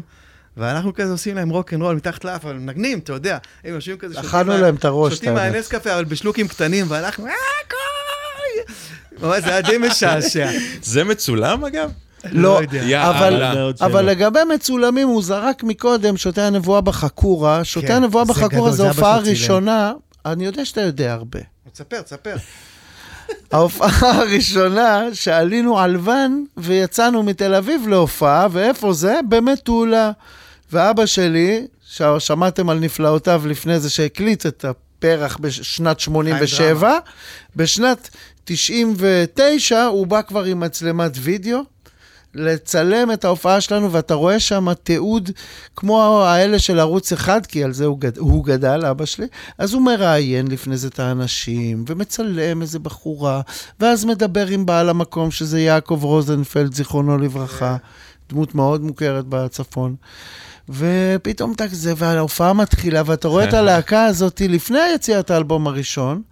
יש בעצם גרעין קטן של אנשים שמכירים את השירים, כי זה אחות של אה, אברהם, שזאתי סטפני, ועוד חברות שלה, וקצת. משפחה שלנו. בקיצור, עשרה שמכירים, וכל השאר רואים את ההופעה, ואבא שלי מצלם הכל, ויש שם סאונד פצצות. אני לא יודע איך המצלמה צילמה, גם הקליטה את הנמוכים כמו שצריך, הכל סבבה.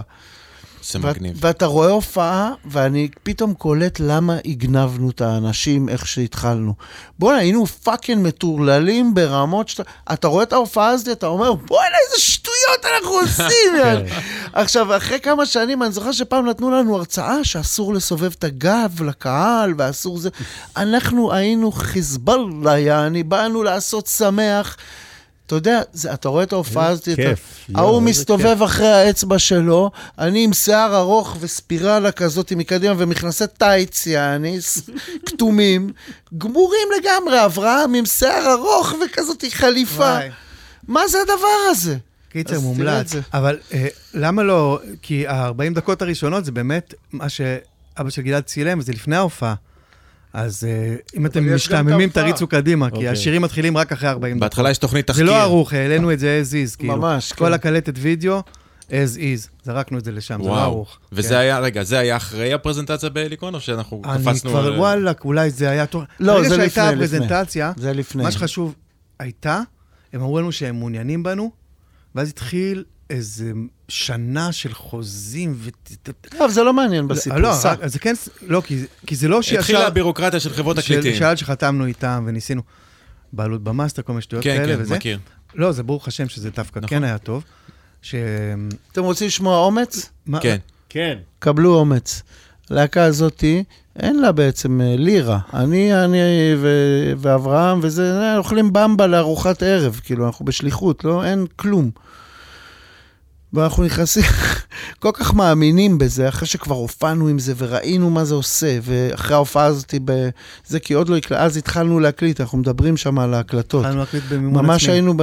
עכשיו, אמרנו ניכנס לזה במימון עצמי. עכשיו, מה שהצלחנו לעשות זה ממש מעט, ואז עמית אומר לנו, תשמעו, יש את העניין הזה עם הליקון ו-NMC וזה, אני מאמין שיקחו אותנו. עכשיו אני מבין שזה שוטף 90 שצריך לשלם על האולפנים האלה. שוטף 90. איזה אולפנים. אה, DB והמון. וגם עשינו אחרי זה באינדי, בגלל שעבדתי שם את... אה, אבל זה כן. יותר מאוחר, עשינו את פנן ואת אין אני. אינדי של עופר אקרלינג? כן. אז, אה, אז שם הוא... אנחנו מכירים. אה, וואו. כן. אז הוא אומר, אה, ככה זה זה. אברהם, יש איזו ירושונת קטנה, שאם הוא נוסע לשם, הוא יכול להביא 40 אלף שקל. crazy shit. אה? זה אמיתי. כן, עוד פעם, איפה יש לאברהם- 40,000 שקל? בצרפת. איזה דוד. איזה דוד שנפטר, יש 40 אלף שקל, אברהם תופס טיסה, עולה לצרפת, חוזר עם 40 אלף שקל. גדול. זה באמת סיפור רגע, ש... רגע. כן. אוקיי? יש לנו את ה-40 אלף שקל האלה, אבל אין לנו להיכנס להקליט וזה. אז מה עושים?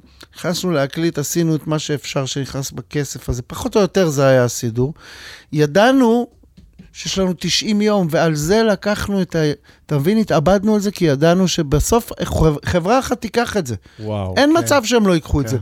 בדיוק יופי. כשהתחילו להגיע מכתבים אדומים של... אה, ומאנשים שאנחנו אוהבים, זייתון, אוי. זייתון, וה... וה, וה בכלל, האולפן, המון, אין לנו כסף, כאילו, מה זה, ת- תרביץ לי, אין לי. כאילו נתתם את המקדמה של 40 אלף שקל והתחייבתם לשאר אחרי שתחתמו עם חברת תקליטים בעזרת השם שעוד לא החתימו אתכם אולי, בכלל. כן, עשינו את זה, בהחלט אמיץ, אומץ בעסקים אגב, הנה. כן. וזה, זה אני לא הייתי חלק לא- מהלופ, אני מודה שאני לא אמונה, הייתי. אמונה טוטאלית שזה הולך לשרוף. אני, לא היה לנו בכלל שום שאלה מאיפה. באה האמונה? מהתגובה של הקהל? מההרגשה שלכם? אני? בשבילי, מהטקסטים.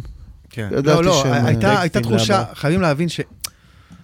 ה- אנחנו מדברים על זה היום ברטרוספקטיבה, אבל אה, אני אישית הייתי דלוק אה, בקטע שמשיחי. לא, לא פחות מזה, כאילו, אנחנו חייבים להבין שהשנים הן כאילו מתקדמות לכיוון שנת 2000. חירפוני כל האלמנט קצת. של המילניום כן, והכל. כן, באג 2000 ו... וזה. לא, זה לא באג 2000, לא, ו- ובאתי גם טעון עם ג'יזוס קרייסט, אני עדיין. תסביר. והיהדות, כל הוויז'נים האלה שהיו, אני מוכן להיכנס לזה, אבל... כנס, כנס. אה, עכשיו, פתאום? כן? לא. רגע, איבדתי לא אתכם, על מה- אתה מדבר? אני מדבר על זה שהוא אומר איך אה, היה לכם אומץ לעשות כאלה דברים עם 40 אלף שקל, ושאברהם נסע והביא את הכסף מהדוד, והתחייבו על האולפנים, כדי, כי, כי הייתה תחושה אה, שאנחנו עושים משהו, אני באמת יודע, אני זוכר, שאנחנו עושים משהו גדול שהוא... הוא, לא בקטע של עכשיו נעשה להקה ונהיה מפורסמים. נכון. זה, זה לא היה ככה. זה היה כאילו ממש... אה, דוגרי, אה, אנחנו... יש פה איזה, איזה מסר לה, להעביר ל... איזה- איזה מסר יש פה לעשות, ו- וכולם היו אה, חדורי אה, תחושת שליחות, כמה שזה נשמע היום ב- בעידן הקפיטליסטי חושב- הזה. שלנו. אני חושב אה, זה שזאת נשמע אחת הסיבות דבר שכבר לא שהצלחתם. שומעים. אני, אתה יודע, זה, זה כאילו נבע משנינו, ובעצם כולם התחברו לעניין הזה. אה, זה גם עשה דברים אה, מאוד קשים יותר מאוחר, כן? אבל באמת מה שהוא אומר זה בול. זה, זה, זה, אתה יודע, אתה בדרך הנכונה, זה ישחק אותה. אם האלה לא ייקחו את זה, אלה ייקחו את זה. לא מעניין אותי. אנחנו רגע, נכנסים. שנייה, סליחה שאני זה. אני באותה תקופה, גם הייתה לי להקה, גם אנחנו לא ראינו בעיניים, גם אנחנו היינו בטוחים שזה הולך להתפוצץ, לא התפוצצנו. היה משהו מעבר לאמונה. אני חושב שזה גם הביטחון מההופעות, אנחנו הופענו טונות. פשוט הופענו המון, היה לנו קהל בכל... אף פעם הלהקה הזאת לא הגיעה למקום ועמדה עם... שהיה טיפה מקום להיכנס. נשבע לך, אני לא מבין איך זה. אז זה היה באמת, אותם ימים אמרתי, בואנה, מה זה, זה צריך לקרות, אלוהים שולח אותנו, ככה, כזה. We're on a mission from God. כן. כן. הבעיה עם בן אדם זה שהוא מכניס לעצמו לראש שהוא במישן, ואז הוא מתחיל להתערב במישן. ואז הוא כבר לא במישן, כי מישן זה משהו שמטילים עליך, זה לא משהו. עוד מעט ב- מה זה לא להסביר המצאה מה היה שלך. המישן, כי זה נשמע... מה המישן? אני יכול להבין את החזון הנבואי של שוטי הנבואה, את ה- את אני אנסה, המצע של המפלגה? כן, לא- אני אני לא חושב... חושב שאתה אני- תצליח. כתבנו מניפסט. להתיר את סבך אתה הטעות כתבת. והקשר. אני בוא כתב... נשמע, כשאני בוא נשמע. אני מתחבר להמון, לא, אני אין לי מתחבר בעיה. זה פה להמון. כתוב או שאתה לא, בעל פה? לא, אין לי אותו כתוב. מתחבר אני להמון אני זוכר. שכתבתי אותו במחשב ממש ישן שהיה לי ב- בבית. אוקיי. מה שאני זוכר. להתיר את סבך הטעות וה... והשקר. זה היה המניפסט. כן. ועד היום אני חושב שזה, כאילו, בקיצור... רגע, לא הבנתי, לא הבנתי. עוד פעם, אני אוקיי, מבקש. דווקא אוקיי. על זה אני רוצה לדבר. סבבה. דווקא מכל המוזיקה והסיפור, על זה. מה החזון? מה החזון? הח- החזון זה מתוך תובנה היסטורית של עם ישראל שחזר לארצו, אבל מהבנה יותר של הוביטים, יותר מהבנה של טולקין. זאת אומרת, אנחנו לא היינו דור בן גוריוני כזה של אה, פלמחניקים וזה, היינו שחטיונרים, אתה יודע. אבל, אבל הבנו גם שהסיפור הזה של הציונות זה, זה כאילו, וואו, זה מטורף, כי אתה פשוט... אה, ושאנחנו נולדנו לזה. עם כל זה, גלעד ואני, בזה שאנחנו היינו שומעים, אה, כל האמת עכשיו על זה, כששמענו ביטלס ופינק פלויד והכל, וטומי של המי וכל התקליטים של ההורים שלנו בווייניל, גם שמענו את אה, אופרת הרוק Jesus Christ Superstar, שאני לא יודע אם שמעתם אותה אי פעם. ש... לא אחלה שמעתי- דבר. שמעתי על זה, לא שמעתי. מומלץ. אני לא זה- שמעתי. אתם לא נורמלים. אז כדאי לכם לשמוע. הזמר שם זה איאן גילן כן. מדיפ פרפל. חבל הזמן. זה אוקיי. מטורף. ו- ו- ודרך זה,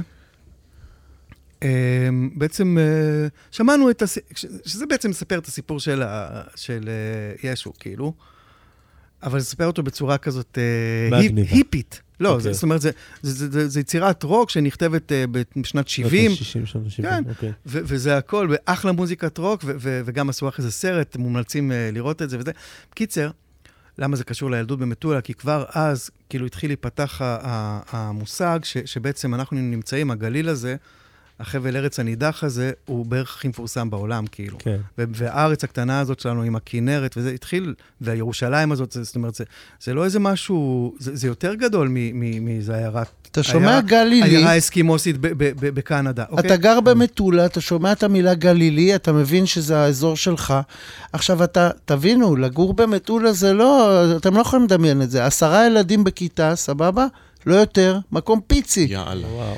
טילים, קטיושות, חדירות מחבלים, ושחייה בנחל, וכיף, וטבע שאתה מת, וחיות. אה, את כל ההרפתקאות ילדות הזאת, זה כאילו נצרב לנו ביחד סביב גיל 12-13, גם עם, ה, עם ה, הסיפור הזה המכונן של... אה, של חסוס, כן. של חסוס, כן, בסדר? אה, מכירים, לא? כן, לא. כן. חסוס זה ג'יזוס. כן, כן. אה, אוקיי. אבל, אבל ראינו אותו, אתה יודע. בתור, בלי כל ה... בלי כל הבגד, איזה טריפ, אלוהים. בלי כל הבגד שיש ליהודי גלותי בשטייטל, שמנסים אה, אה, לחטוף אותו, או, שחטפו את אחותו והתחתנה עם גוי. בלי כל הסרט הזה, אנחנו פשוט ילדים במטולה. ילדים של פריקים כאילו, ו, ווואו, זה מגניב, בואנה, איזה קטעים. וכאילו, גם הרעיון הזה של, אה, של אהבה, שזה משתלב לך גם עם גרוב, אז זה די נצרב, אני חושב. והדברים האלה הלכו, ו- ובאמת שאתה נסענו והיינו בפיליפינים, אתה יודע, ב- סתם ב Christmas של, של שנת אה, בלה בלה, 92, והייתה שם איזו ילדה ש... hey, you look like our Lord Jesus. היא אמרה לי, כאילו, אתה מבין? זה, היה כאילו מגניב, כאילו, וואי, איזה קטעים. We're from the same neighborhood. כן, אשכרה. אני חושב שהדברים האלה... ג'יזוס זה אח. אבל היום אני יהודי שומר מצוות ושומר שבת והכול, ועם כל זה אני מבין שהדרך הזאת, ו- ואין לי טענתי לג'יזוס, כי, כי יש אנטי מאוד חזק. בתוך ב- היהדות זה צרוב, אולי, חזק. אולי נגיע תכף לנושא היותר... כאילו, יכול להיות שברגע זה אה, דאגנו לזה שיחרימו אותנו מגזר שלם. אין לי שום בעיה, אני, אני, אני אני, אגיד אני? חושב שהגיע הזמן גם לדבר, כי, כי מלא שנים אני לא מדבר. מלא שנים אני לא מדבר, ו... אני, הולך- לקרות לילד בשמו. לך על זה. כפרה. אני מת על זה. קרא לילד בשמו, נו. אני גם חושב הגיע- שעוד הגיע פעם, הזמן אנחנו- לגלות, כי אנחנו יותר מדי בתקופה של. קבלה, קבלה, רגע, אני, מה, מה הפואנטה, מה הנקודה? לא יודע. לקרוא לילד רצף של. נקודות שיוצרת קו. אה, למה המיקרופון פה זה כזה רגע מכונן שה... כי אנחנו כאילו... המיקרופון התרגש. במניפסט הזה של להסיר, אה, להתיר את סבך הטעות והשקר, במניפסט של שוטי הנבואה. מה הטעות והשקר יפה, שאותה אתה למה זה קשור? לג'יזוס? למה זה קשור? למה זה קשור? כי בסופו של דבר, אה, כשהישראלי הממוצע כמוני נוסע בעולם, כי ו- לי, סליחה שאני קוטע, לי זה הפריע בתור ילד ששמעתי את... בדיוק זה פה. מה? סיימון אנד גרפונקל. Jesus loves you more than you כן, know. ו- והתבאסתי. נכון. מה הם אומרים ג'יזוס? אוקיי. הייתי ילד חילוני אבל, יש לו בארצות קומפלקס, הברית. אבל לפול סיימון יש קומפלקס, כי כשהוא אומר, וילד גדל בארצות הברית. נכון, אז זה היהודון החמוד שאמר ג'יזוס, וגם אה, אה, בוב דילן, שעשה את האלבום הנוצרי שלו, נכון, לנו... אחרי זה, שאתה גדל, אתה מבין את הקומפלקס ואת השניות ואת אבל כל ה... למה- למה השתפנת מלפתוח על לא, ג'יזוס? כי אני לא יודע, אני לא יודע, כי זה לא, פול אז לך סיימון. על זה, לא, כי הוא שאל שנייה. שאלה. פתח ג'יזוס, נו. לא, אני, אני אומר שזה, אה, אני רואה את זה בתור רקע לדברים ש, שיבשילו לאלבום של שוטי הנבואה. בסופו של דבר, התובנה שהייתה לי, אה, עוד, עוד לי, באמצע הטיולים האלה, הייתה ש, שכל מה שקורה צריך לקרות, כולל המחשבות של בני אדם. כן, משהו אה, דטרמיניסטי אולי אה, מאוד אה, כן. מתווכחים, אבל בואו לא נתווכח שנייה. זה פשוט כאילו היה, היה קטע שירדתי ברכבל של החרמון וראיתי ברק, וה- והרגשתי שהברק הזה הוא בשבילי, ו- ושיש לו מסר בשבילי, ואז ישר עקבה אחרי זה מחשבה של אה, מה זה המגלומניה הזאת, מה זאת אומרת, מלא אנשים ראו את הברק הזה, למה הוא בשבילך? ואז הבנתי שב-DNA הספציפי שלי, ועם כל החוויות ילדות שלי, של מי שאני כרגע, המחשבה היחידה שיכלה לצאת לי עם הברק הזה, זה המחשבה הזאת שהוא בשבילי. ואז קלטתי שהמחשבות האלה, כולל דיבורים, כמו הדיבור הזה עכשיו ממש, הם מחויבי המציאות ממש כמו הזוויות של הגשם שיורד, או רוחות, או, או איך שהעלים מסתרגים בענפים. השגחה פרטית. באיזה גיל זה? באיזה גיל זה היה? התובנה הזאת שזה ירד לי ככה, זה סביב גיל 22-3. זה מאוד צעיר, זו תובנה עמוקה ובודהיסטית ובוגרת מאוד אה, לילד בן 22-3. כן, ואז הבנתי גם את ההשלכות של זה, כי, כי אם המחשבה הזאת, עזוב, אוקיי, אז, אני- אז מה שאני חושב, זה מחויב המציאות, סבבה, זה מובע גם בשיר הזה, אם אל- אלוקים נמצא בתוך מחשבותיי. כאילו, ש... מה זה השיר הזה? מי מכוון את התנועה, אה, כן, כן. אם אלוקים נמצא בתוך מחשבותיי. התהיות. אבל זה אומר שכל הספרים שאי פעם נכתבו, עם כל המחשבות, הן מחויבות המציאות. זאת אומרת שכל טילי הספרים שנכתבו בכל התרבויות, זה גם מחויב המציאות. כן. וגם התחרות של הרעיונות, של האבולוציות של הרעיונות, זה גם מחויב המציאות. וגם ברמה הדתית, שהתפתחו גופים כאלה של דתות, אוקיי? דת זה, זה, זה דבר אבולוציוני, אוקיי? היהדות היא, היא כמו שונית אלמוגים, שמתפתחת נכון. ממשה רבנו ועד אה, רש"י, ואתה יודע, ועד אה, ועד אה, הרב. עובדיה יוסף, ועד היום. וה... אתה, אתה מבין, זה, זה לא דבר שקרה בבת אחת, זה דבר אבולוציוני. ככה גם האסלאם, ככה גם הנצרות. אבל בסדר כרונולוגי, ואם אנחנו מדברים על כרונולוגיה, וכרונולוגיה היא חשובה מאוד בתיאוריה הזאת, כי מה קרה קודם? זאת אומרת, התיאוריה הזאת מבינה ש- ש- שהסיקוונס של הדברים הוא מאוד מאוד חשוב, הכרונולוגיה היא חשובה, כי זאת האמת. אנחנו מבינים? כן. האמת, הגריד של האמת הוא ציר הזמן. אוקיי, ואז בעצם מתפתחים לך... אמ, לא, רגע, לא הבנתי. לא הבנת? הגריד של האמת הוא ציר אז הזמן, מה, נכון. הגריד- לא זאת אומרת- זה חשובה. אה, איזה אה, רעיון לא, בא כי- לפני כי זה ואיזה בא- כי רעיון זה בא בא על אחרי? רקע של פוסט-מודרניזם שאומר שאין אמת. לך קר, לי חם, אין כן. אמת. האמת היא סובייקטיבית. אנחנו, כבר בא- באותה תקופה, אתה, אתה, כל ה... כבר זה הביא לנו את כל, הסעיף. כל, כל מושג האמת, כל המושג האמת, הוא בעצם נהיה מאוד מאוד נזיל בתקופה הזו. נכון, ואז אתה אומר, אז במה נאחז? וואלה, נאחז בציר הזמן. כי, כי זה שנגיד, אז- גלעד אז נולד לפניי, אי אפשר להתווכח. לך את זה, אחי. לפי איינשטיין, אתה- זה- הוא יראה את- הברק לפני שהוא ראה את הברק, שהוא פגע בכלל אחרי אצלו. נכון. ועם כל זה, בעצם, אה, עם כל ה... כל מה שנכתב אי פעם היה צריך להיכתב.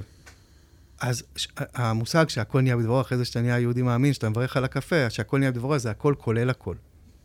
כן. אין מצב לאחוז במקל משני קצותיו. ואתה רואה מצב מגוחך, שבו בעצם אה, אה, יש מלא קבוצות, שכולם אומרים יש אחד, and he's on our side. וזה פשוט נראה גן, גן ילדים.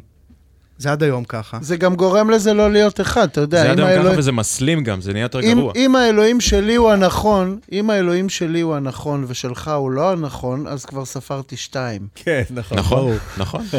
נכון. אבל רגע, אבל ועדיין אתה שומר תורה ומצוות. היום כן. מה זה עדיין? בטח. הפילוסופיות היו. התורה ומצוות זה, זה דבר מאוד פרקטי, מי כמוך יודע. נעשה ונשמע. התרי"ג זה תרי"ג, ונשמע אפשר לדבר.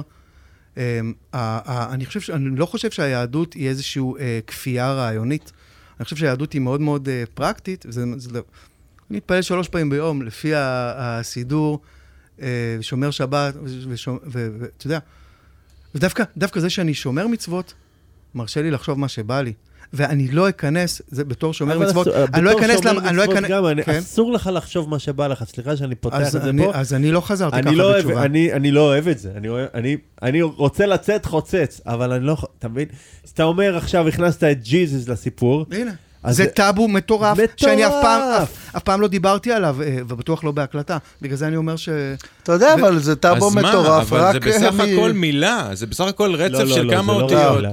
אני זוכר, נגיד, אני הייתי בטיול עם אשתי, אחרי החתונה, היינו באיטליה, עוד לא היינו שומרי תורה ומצוות, נכנסנו לאיזה כנסייה עם ציורים של כל מיני אה, מיכאלנג'לו, לא יודע מי, ואני רואה ציור כזה של ג'יזוס עם תפילין, ואני אומר, קיבינימט, אני פה באיטליה, ברומא, אלה רצחו הכי הרבה מהעם שלי, ונכנסתי עכשיו לכנסייה שלהם לראות יהודי שהם מעריצים אותו, אבל כמה מאיתנו הם רצחו בדרך, ובאותו רגע, בבקשה. כל כך, אה, הכל התחבר לי, ואמרתי, מה אני עושה פה?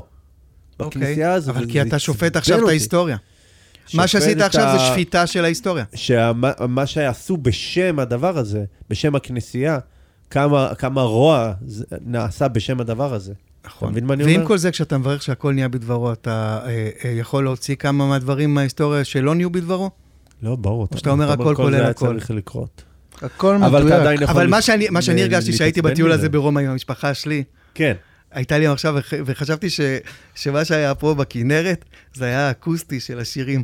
אחרי זה ברומא זה גדל, זה נהיה, אתה יודע, כנסיות מטורפות, זה כבר בוף עם פי ענק. כן, נכון. אבל פה זה היה כאילו... פה אם היה אתה- אם אתה- pre-production. אם אתה- כן. אם אתה ממשיל את הסיפור הגרעיני של אה, חסוס עם החבר'ה כן, בחוף נכון. גולן שם, מנגנים וזה, אתה מבין?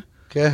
אבל, אבל זה כנראה היה צריך, כנראה, מה שקרה במלא צירופי מקרים, כמו שאתה יודע, תיארנו צירופי מקרים בסיפור של להקת שוטי הנבואה, אבל זה רק טסט קייס. ל...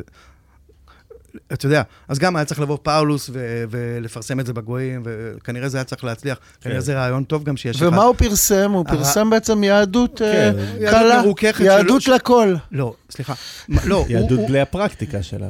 כן, הם כן. לא חייבים לעשות יהדות ברית מילה, הם. לא חייבים לשמור שבת, הם יכולים לאכול מה. שבא להם, אבל הוא הביא להם את, ה, אמ, את הסיפור של האבות, זאת אומרת, את ה, את ה, כשאתה קורא את ה-Old Testament, כאילו בקינג ג'יימס, זה אחד על אחד. כן. כאילו, ו- ואת המוסר היהודי של, אה, של אה, חמלה על החלש, סליחה, שזה לא כזה, לא ברור. כזה היה תמיד. לא, שאגב- זה ממש לא היה. ב- שאגב- במיוחד שבטים היה. ברברים ששם באירופה, עכשיו, שאתה- שאתה לומד את ה- את הדרך של, אה, למשל, של היטלר, אוקיי? את מה ש... את זה מה הכתיבה שהביא לו שלו. את הסעיף, ברור. את זה, זה היה הנקודה. היהודים הפיצו אותה לעזור לחלש בין כל האומות, והפכו אותם ליצורים חננות, כי אנחנו רוצים את חוקי הג'ונגל. מי שחזק שורד, לא רוצים נכון. לפנק את הזה. וזה בדיוק הנקודה הזאת, למה להשמיד רק את העם היהודי. זה בדיוק למה שישה מיליון האלה... צריכים לצאת פי אלף מה-48 מיליון האחרים שנהרגו באירופה, כי יש הבדל.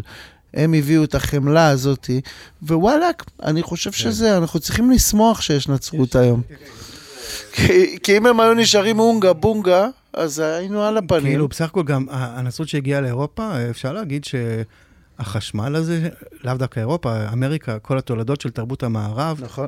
אה, כמעט, אנחנו חיים בעולם ש, ש, ש, שכמעט כל ההמצאות בו, ועוצב על ידי ה, ה, ההתעוררות של אירופה בעקבות הנצרות, כי אירופה הייתה אה, אה, ברובה במצב אה, שבטי. במצב קייבמן, ברור. כן, מי שרואה סדרות שזה בוויקינגים המזרח התיכון. של היום. כן.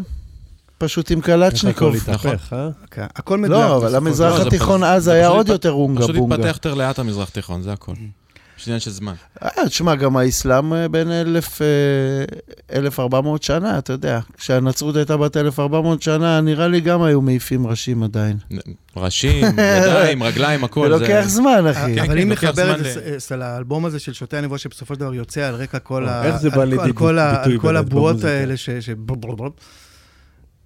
זה בא לידי ביטוי במילים, אבל אני חושב ש- ש- שמה שבעצם, מכל הדבר הזה, הרגשנו שליחות, ממש, שאור חדש יצא מציון. אה, ממש כאילו, אה, לא ידענו, אה, אתה יודע, אה, זה נהרג לתוך השירים, מילים כאלה וזה, אבל אנחנו ממש ראינו ש... שזה עלינו לעשות את הדבר הזה, זה לא חיכינו שמישהו אחר יעשה את זה. ו... לפני למשל, שנכנסנו להקליט את האלבום השני, היה פה, כמו הגלים שאנחנו מכירים, גל פיגועים. ממש מטורף, כן, של. דקירות. ווואלכ, מה עושים? מה עושים? על זה חשבנו, מה אנחנו יכולים לעשות? מה עושים? מה עושים? אחרי זה שבוע פתאום עלה לי סיבוב הופעות חירום. לשמח את עם ישראל. פתחנו את... אה, שכרנו את אה, מועדון התיאטרון, מהמם. הכנסנו כניסה חופשית, וואו. הופעת חירום.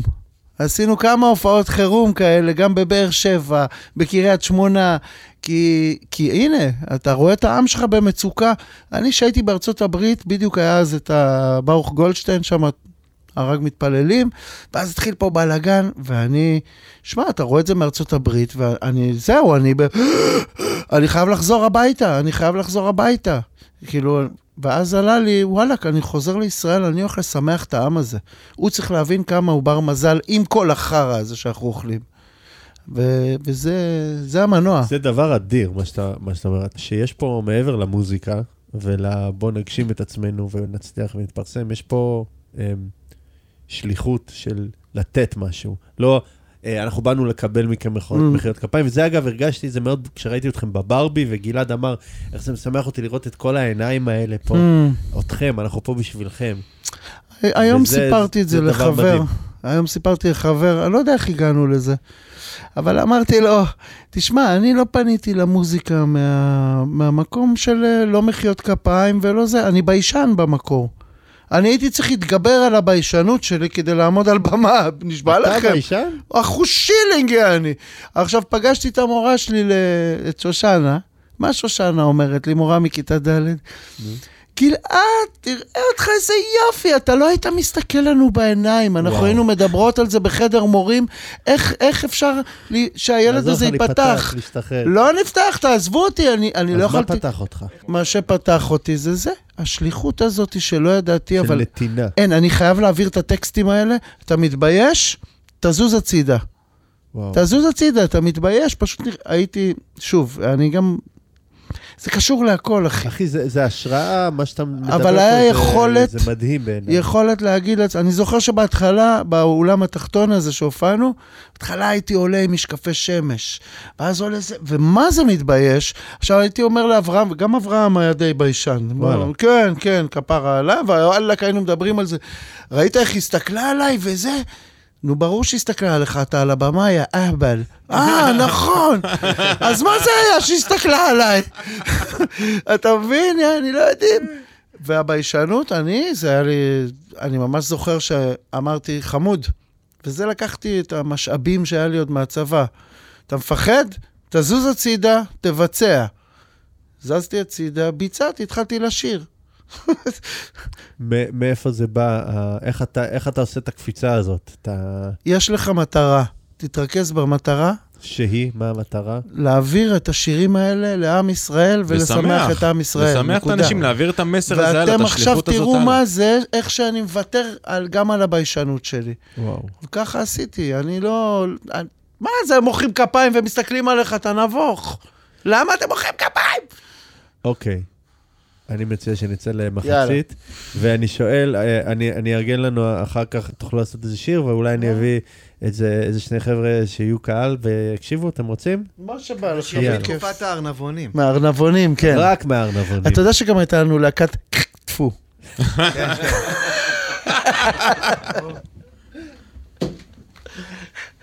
אמיתי. זה המשוגע הביא את השם הזה, איזה שם פצצה. אוקיי? אוקיי.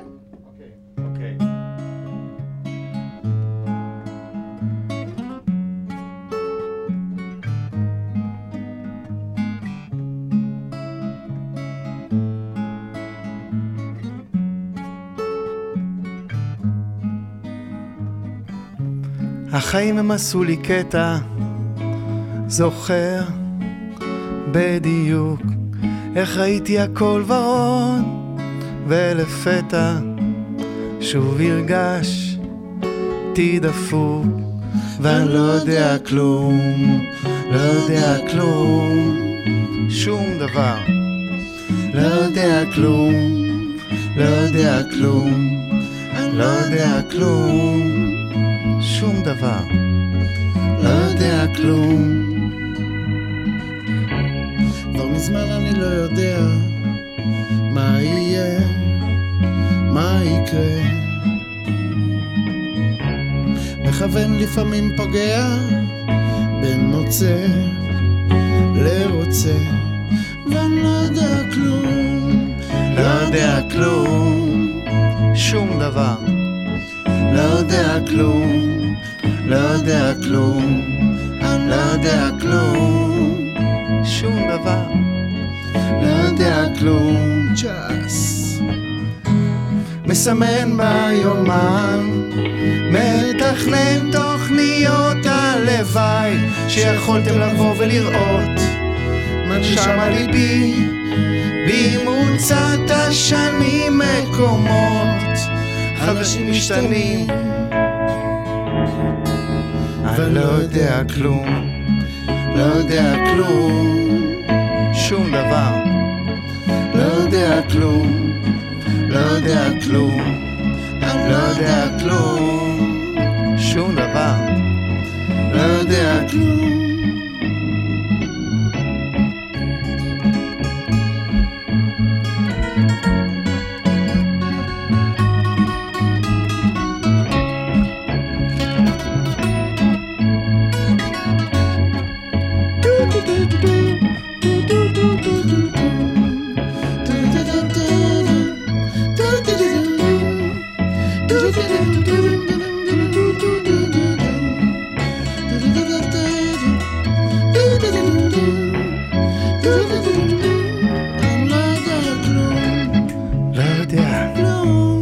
שום דבר,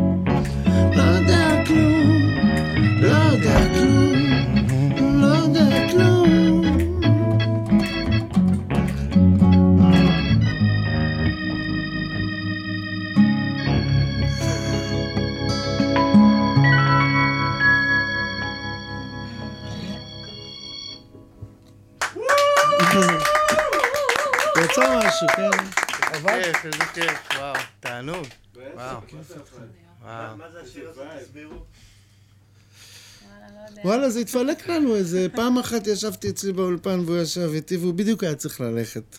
ואני עושה לו... ככה יצא, בקיצר. רגע, ואיך קראו לכם אז?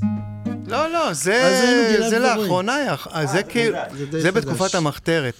כן. אה, אתה רוצה שיר מהילדות? אה, אתה רוצה עכשיו, אנחנו עכשיו, אה, אנחנו עפים פה בזמן, יעני, מדלגים על עשורים, כאילו שזה כלום. 1983. רועי לוי וגלעד כך שמעון. 81. טוב, זה היה ממש, אנחנו. הולכים לאווירה אחרת לגמרי, אבל למה לא? זה השיר הראשון שכתבנו ביחד בערך על גיטרה. הגיטרה לא הייתה מכוונת וגם לא ידעתי שום אקורד.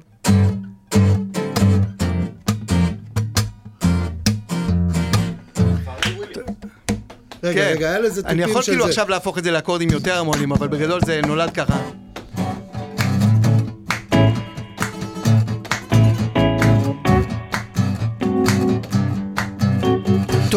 תאכל תרדמון ותשתה ציאנית, כנס למיטה ותישן לתמיד. תפסיק את הנשימה, תעצור את הריאות, עצום את עיניך כי אין נרקבות.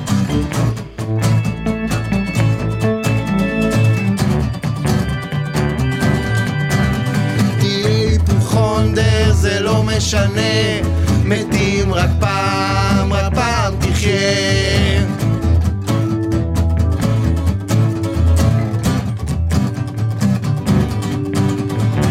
בסדר, זהו, זה... זה, זה, זה. זה ה... כן, זה- השיר הראשון שנקרא תאכל תרדמון. היה גם עוד בית שהושמט. מה היה בבית, אה, נכון? היו מלא שירים כאלה מפגרים. ציפורים רואות אה, כן, זה- שחור. טוב, עזוב, לא מה- יודע, עזבו אתכם, נו מה. אה, יש, אה, אה, יש את... אה, במיטה שוכב לי... אה, איך זה? לא, מה, מה, היה לנו... יש אנשים שתמיד תמיד חושבים על מה אה, אוקיי, שיקרה. להם ברגע. הבא. זה שיר מאוד ביטלס כזה. כן. ומוזיקה. One, two, three, go. יש אנשים שתמיד תמיד חושבים על מה שיקרה להם ברגע הבא. לפני שהם עושים עוד שום דבר, הם כבר חושבים על סוף העבודה. הם מנקים, לפני שמתלכלך הם מרימים, לפני שזה נופל וכך פשוט. תמיד תמיד חושבים כל כך נעים, פשוט להתערבב. אה, אז כל המון... אה, כן. אז כל המון האנשים האלה לעולם אינם נהנים מן החיים כי כל דבר לפני שהוא קורה הם כבר חושבים על הדברים הבאים. הם מנקים. לפני שמתלכלך הם מרימים. לפני שזה נופל וכך פשוט. תמיד תמיד חושבים כל כך נעים. פשוט להתבטל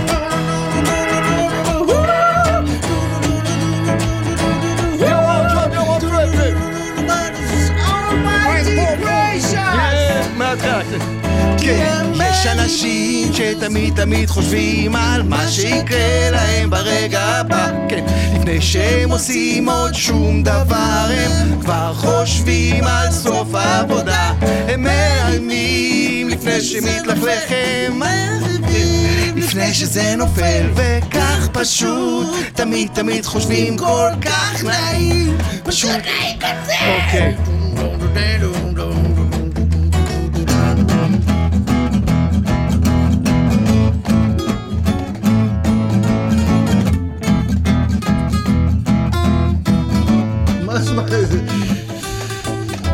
קיצור, שירי ילדות. לא הרבה השתנה. לא. שתי אקורדים, הכל עובד. רגע, אתם... לא זוכרים את האקורדים של זה, אבל דרך אגב. לא, זה שיר מגיל אה, 12. 14, לא, לא, 12. מתי פעם אחרונה ששרת? ממש שנים לא שרנו שנים, אותו. יצאנו פעם באוטו לפני כמה שנים. טייט על זה, זה מה שמדהים. כן, כן. יש אולי אה, לפתוח לו את ה... אתה יודע, אם אנחנו שרים, כל דבר, אם אנחנו שרים ביטלס, אה, בואי, זה, אנחנו טייט מבחינת עצמנו. כי היינו שומעים את זה ביחד, אז היינו שרים את זה טייט. מה, אתה זז אח שלי? וואו, ילדים. וואו, ניב. שנייה, דברי סיכום. וואו. חמש, אה, ארבע דקות של דברי סיכום ברשותכם. איזה כיף זה לנגן. אני רוצה. לסכם, אני רוצה אני רוצה לסכם רגע משהו קטן. קודם כל, סכם לנו את הסיטואציה שחווינו. קודם כל זה היה-. זה היה פרק. זה היה פרק סופר סופר מעורר השראה. העפתם לי את הראש ליקומים אחרים, מקבילים. היה לי כל כך כיף לשמוע את הסיפור המדהים שלכם, על קצה המזלג, אמרתי לכם גם קודם בחוץ, שהרגשתי כאילו אני איתכם בתוך החוויה, כן. אבל ב fast forward, כאילו על ספידים, הרגשתי שאני חווה את כל הדבר הזה בשנייה וחצי. וה closure הזה עם השיר בכלל בכלל מהמם, ואני רוצה לחזור להתחלה, אמרתי לכם מקודם שאתם להקה שחוצה דורות. אתם כל הזמן ממשיכים, אין לכם סוף, אתם אינסופיים, ואני חושב שזה ככה, בגלל החיבור שלכם ל... לעצמכם קודם כל, לבינג שלכם, לנשמה לשני. שלכם, אחד לשני, וזה שאתם הבנתם שאתם בסך הכל אה, צינור להעביר את הדבר הזה לאנשים ולשמח אותם, וזה מה ש... זה, זה המהות שלכם, זה האסנס, לבוא ולשמח את האנשים ולעשות להם טוב, ולהעביר להם את, ה, את המתנה שקיבלתם הזאת הלאה, זה הקסם שלכם. הקסם שלכם הוא פשוט, אין לו, אין לו גיל ואין לו זמן. ולכן אתם פשוט אה, להקה כזאת מדהימה, ו- ו- ו- ושפשוט ממשיכה קדימה את כולם, ואין לי, אין לי מה להגיד, זה פשוט היה מרגש בטירוף, באמת. היה סשן סופר סופר מרגש, תודה רבה לכם. שבאתם. ואני רוצה שתספרו בקצרה מה קורה איתכם עכשיו, איפה קהל יכול לראות אתכם, לשמוע אתכם, מה התוכניות ל- לקדימה. עד עכשיו זה היה נוסטלגיה, בואו דברו רגע על ההווה. רביעי לינואר, קודם כל, ברבי. תודה לניב על מה שהוא אמר. תודה לכם, מה זה? וכל הזמן עולה לי לצד זה קרטונתי מקרטון, קרטונתי מקרטון, כי- כי אני כלום, וזה, יש לי את המערכות הגנה נגד טילים של אגו, אז אה, תודה לך באמת מהמקום הכי נקי. מגיע. לכם מכל הלב, באמת, זה, כל, זה מה שאתם מעבירים. זהו, חזרנו להקליט, אנחנו עובדים עם אייל מזיג על אה, כן. אשכרה אלבום, יעני, כי בא לנו להביא וואחד חבילה מפלצת. ויש לנו טקסטים, וכבר יש את הדרך קדימה, ותודה לאל, אתה יודע, יש הופעה בברבי עכשיו, אה, ב-19 לינואר, טוב, אני לא יודע מתי... לא, זהו, לא שזה יודע. לא, זה ב- ברביעי לינואר. כן, זה מזל רביעי זה שאני לראשון. ברביעי לינואר, ברביעי לינואר בברבי, 2022. ממש, כן. אבל אתם יודעים, פודקאסט זה משהו שאפשר לשמוע אותו גם בעוד ארבע שנים. אה, לא יודע. סבבה, אז בטח כבר היה בעבר. אבל אה, בעזרת השם חפשו שותי הנבואה, הלהקה האלמותית. כן, we're back in town. The boys are back in town. Ding, ding, ding, ding, ding.